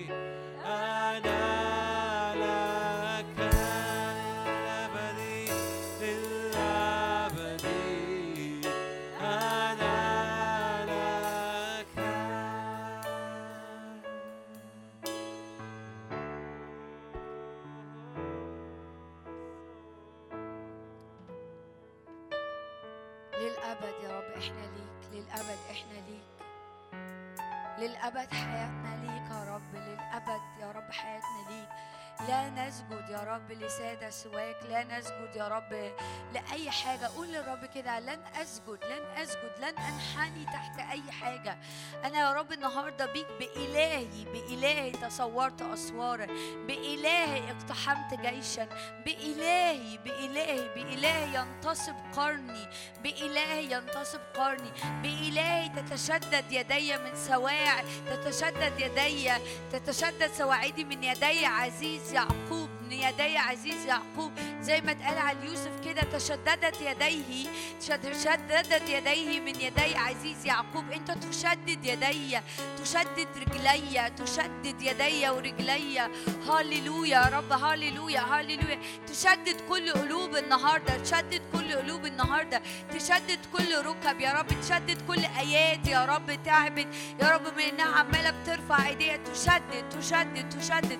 تشددت بالرب أما داود فتشدد بالرب إلهه. أما داود فتشدد بالرب إلهه. حط إيدك على قلبك كده قول يا رب جوه جوه في الإنسان الروحي بتاعي يتشدد بيك يتشدد بيك. نتأيد بالقوة في الإنسان الباطن. نتأيد بالقوة يا رب. فجر قوة في إنساننا الباطن. فجر قوة في إنساننا الباطن. هاليلويا هاليلويا هاليلويا هاليلويا هاليلويا مشتاق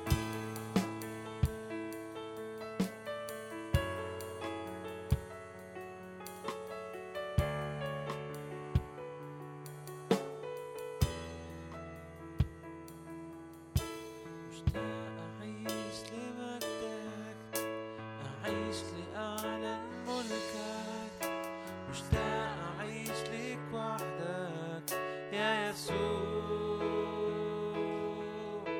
مشتاق أعيش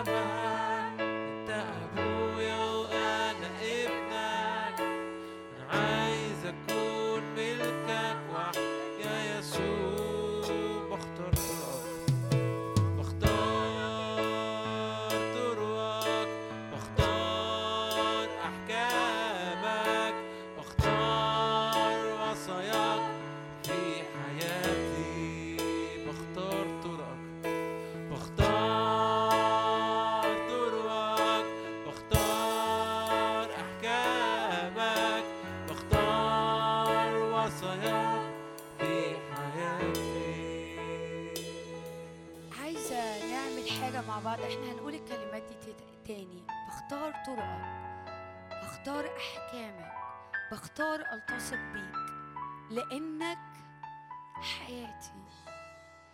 في حاجة اسمها فعل نبوي. يعني إيه فعل نبوي؟ يعني بعمل حاجة زي الأجران. لما قال جدعون هاتوا أجران ومصابيح وقت ما تضربوا بيها هتاخد يعني هيحصل إنه تغلبوا العدو. في أوقات الرب يقول لي اعملي حاجة وأنا لما بعملها الرب بيتحرك ورا الحاجة اللي أنا بعملها. أنا جوايا نعمل حاجة. لو أنت متشجع من الرب أنا أؤمن. أعتقد في كل مرة الرب قال لموسى ارمى العصا. يعني موسى كان حاسس يعني عصا يا رب نعمل إيه؟ اضرب الصخره بالعصا يعني تطلع مية. بس لأنه صدق حاجة حصلت. فاهمين أقصد إيه؟ أنا أؤمن. حتى لو أنت مش فاهم قوي اللي أنا بعمله ده يحصل إيه؟ يحصل ورائي. لكن أنا أؤمن أؤمن إن وإحنا بنطيع الرب الرب بيتحرك على قلبنا اللي مليان بيه أؤمن إنه إنه وإحنا بنقول الكلمات دي خد خطوة وكأنك كنت كنت تحت الحاجة تحت الظروف تحت التحديات تحت الأفكار تحت المشاعر السلبية. ايا كان اللي كان حاصل الوقت اللي فات ومخلي مفيش اي كونتاكت مفيش عينيك مش على الرب عينيك على حاجات تانية. وأنت كده واقف خد خطوة على جنب كده. وقول يا رب أنا بختار النهاردة. أنا مش هخضع ولا أسجد لأي حد تاني غيرك. زي شدرخ وميشخ وعبدناغو أنا بختار النهارده إن رؤيتي تسترد عليك أنت بس مش على أي حاجة تانية. وأنا أؤمن جوايا إيمان ويقين وأنت بتعمل كده. الرب هيخرجك من تحت سلطان مشاعر كتير. الرب هيخرجك من تحت سلطان أفكار سلبية كتير وتأثير لأمور كتير وحاجات كانت ضغط عليك كتير وتتنقل لأرض مليانة راحة وحرية وفيها ترى الرب ترى الرب حتى لو الظروف والأحداث زي ما هي. فاهمين أقصد إيه؟ خد خطوة زي شدرخ وميشخ وعبد ناخو. إحنا مش هنسجد للتمثال إحنا بره الحتة دي. قول يا رب أنا بره خد خطوة يمين شمال قدام. عايز تيجي هنا في الممر في الوسط؟ قول يا رب أنا باخد خطوة إعلان إيمان. أنا مش تحت الحاجة دي. أنا مش هسجد للحاجات دي. أنا مش هخضع للحاجات دي. أنا مش هخضع خليك انت. أنا عينيا مش هتتملي بأي حاجة تانية. أنا هطلب زي موسى. طرقك علمني طريقك لكي أعرفك لكي أعرفك. أنا عايز أبقى زي موسى مش شعبك. لما كانوا هم في البرية أنا عايز أبقى زي موسى. أمين؟ أنا اؤمن إنه حاجات هتتكسر على حياتنا النهارده. أنا اؤمن ان هنخرج من تحت تأثير أمور سلبية كانت أسرانا ومتقلانا وتعبانه هنخرج من تحتها النهارده. أنا اؤمن إنه أفكار سلبية هتقع. أنا اؤمن إنه أتقال وشعور بالخزي والعار هيقع. أنا اؤمن إنه عدم إيمان وعدم غفران ومرارة وحزن وكآبة هيقع وانت بتاخد الخطوة دي. اعمل فعل نبوي ورا الرب النهارده الرب بيقول لك اخرج اخرج اخرج اخرج اخرج للأرض اللي أنا دعيك ليها. اخرج من الحتة اللي أنت اتعودت تقف فيها. اخرج من تحت السقف ده وقول يا رب النهارده أنا عينيا عليك. علمني طرقك حتى أعرفك. علمني طرقك. هل من فاهم طالب الرب؟ علمني طرقك. حتى أعرفك يا رب. علمني طرقك. أمين. وإحنا بنقول الكلمات دي تاني. وقت ما تشعر كده خطي خطوة يمين شمال قدام ورا. اطلع في الوسط. أمين. لكن أنا أؤمن إن ورا الخطوة اللي أنت هتاخدها بإيمان. حتى لو أنت مش حاسس. الإيمان ما فيهوش إحساس. الإيمان ما فيهوش إحساس. حتى لو أنت مش حاسس. لكن أنت مصدق إن الرب هيتحرك على الخطوة اللي أنت بتعملها النهارده. في اسم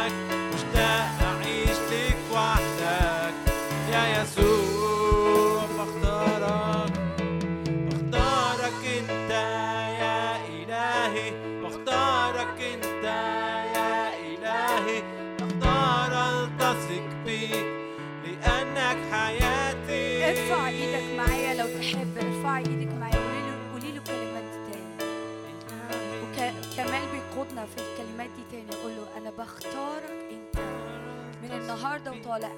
ارفع إيدك لو تحب. ده ده ده فعل كده.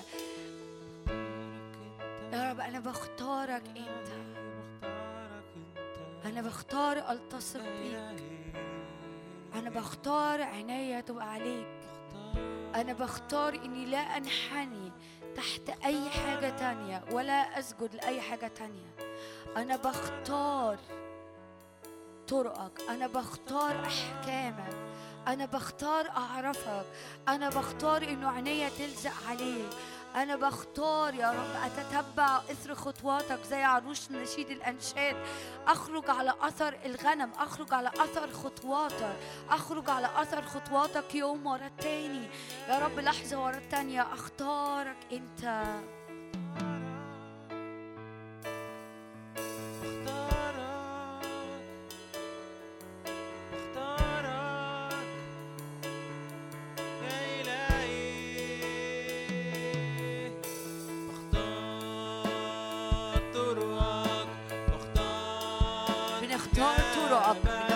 حياتي بنختار طرقك بنختار احكامك بنختار وصاياك بنختارك أنت.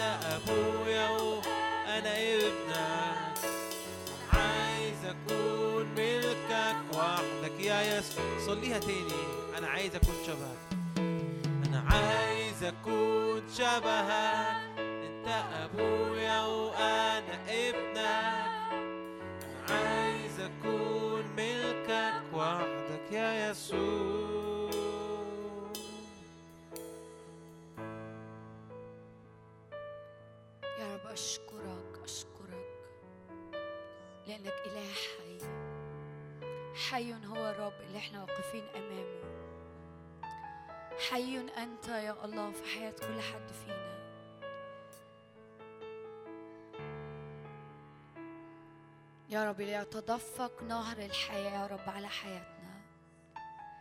فيبلع يا رب كل موت ويبلع كل أمور العدو يا رب رماها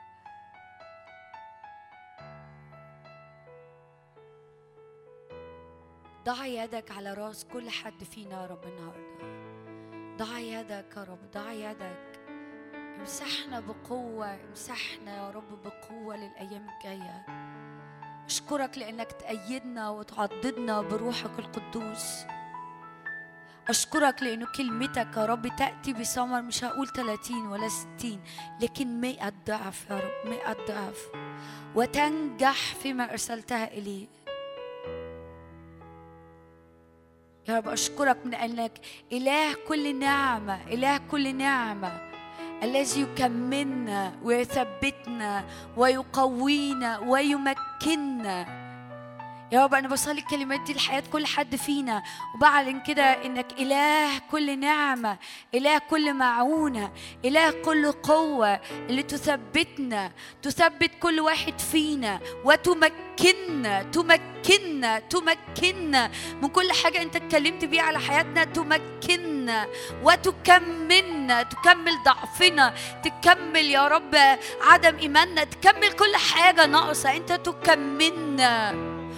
يا رب وتقوينا تقوينا تقوينا تقوينا. وإله كل نعمة يثبتكم ويكملكم ويمكنكم ويقويكم. في يسوع المسيح أشكرك أشكرك أشكرك أشكرك أشكرك. هاليلويا يا رب هاليلويا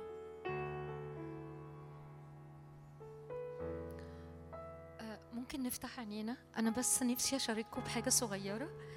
آه، نيفين وهي عمالة تقول أنا مش بوعظ أنا مش بوعظ.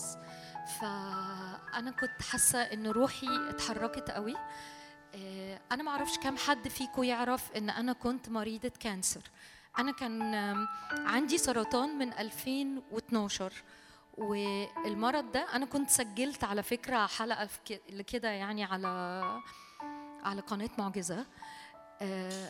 أنا المرض ده كان عندي وراثي في عيلتي.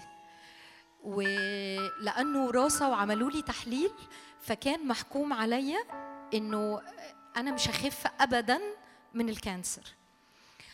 2012 أنا دخلت عملت عملية آه، سافرت بره كانوا كله الدكاترة بره مصر كانوا بيؤكدوا إنه ما ينفعش إن أنا أخف وإن أنا هفضل ماشية في الدايرة دي.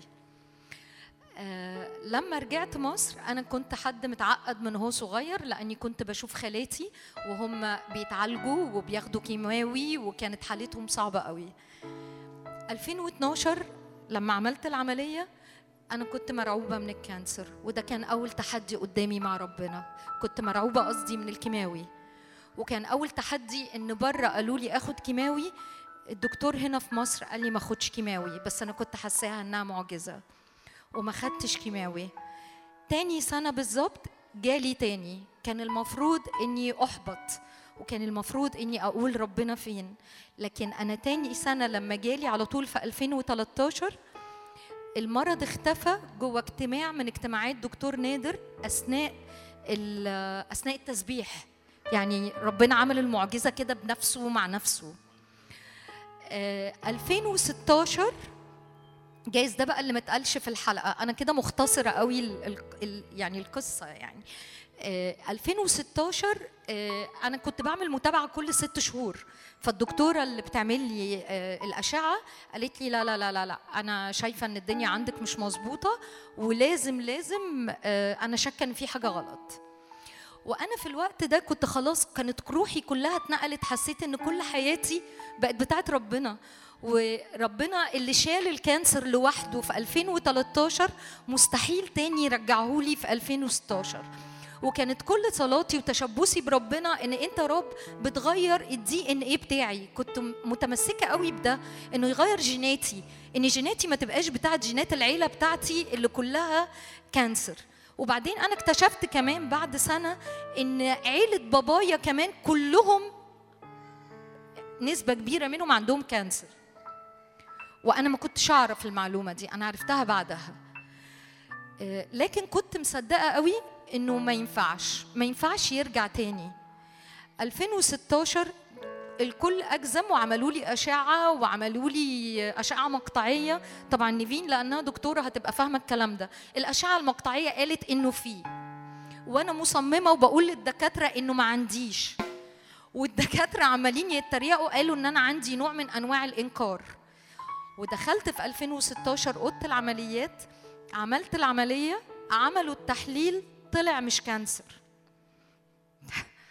يعني لا لا لا لا لا لا لا يا جماعة أنا مش لا لا خالص خالص أنا الموضوع مش مش موضوع كده. أنا بس عايزة أقول إنه إنه ربنا موجود. عايزة أقول إنه ربنا مش بعيد. عايزة أقول إنه ربنا حي. عايزة أقول إنه ربنا اللي أقامني أنا من الأموات بعد ما كان محكوم عليا بالموت وكل حاجة في الأرض وكل حاجة طب وكل حاجة بتقول بالموت لكن ربنا أمر بالحياة. وده خلاني أتمسك أكتر بربنا وأعرف إنه بقيت ما عنديش حاجة اسمها إنه في مرض. يعني دايما عارفة ومتأكدة إن ربنا بيشفي. أنا بس بدي مثل على المرض ولو إن ده يعني أي حد لما بيحس بالمرض ده بيحس إنه برعب لأنه حاجة بتهدد الحياة. فما بالكم بقى في الأمور الحياتية العادية إنه عندي تحدي معين في حاجة معينة تحدي معين مع اولادي تحدي معين مع جوزي تحدي معين في, في وسط شغلي. أنا حاسة إن الأمور دي أبسط بكتير قدام ربنا. أنا أول مرة أشيء يعني أنا أول مرة فعلا بس أنا حسيت قوي إن نفسي كلنا مع بعض ننقل إيماننا بالطريقة دي. بس. وشكرا لكم لا لا لا لا لا بليز إيه، أنا بس عايزة أقول إن شادي وهالة وميشو فعلا حصل لهم ظروف قوية قوي فهم بيعتذروا لكم جدا جدا. هم إن شاء الله هيبقوا موجودين الثلاث الجاي. جماعة إحنا بنبتدي بالظبط بالظبط الساعة ستة ونص. إحنا فعلا النهارده مبتدئين سبعة الا تلت بالظبط.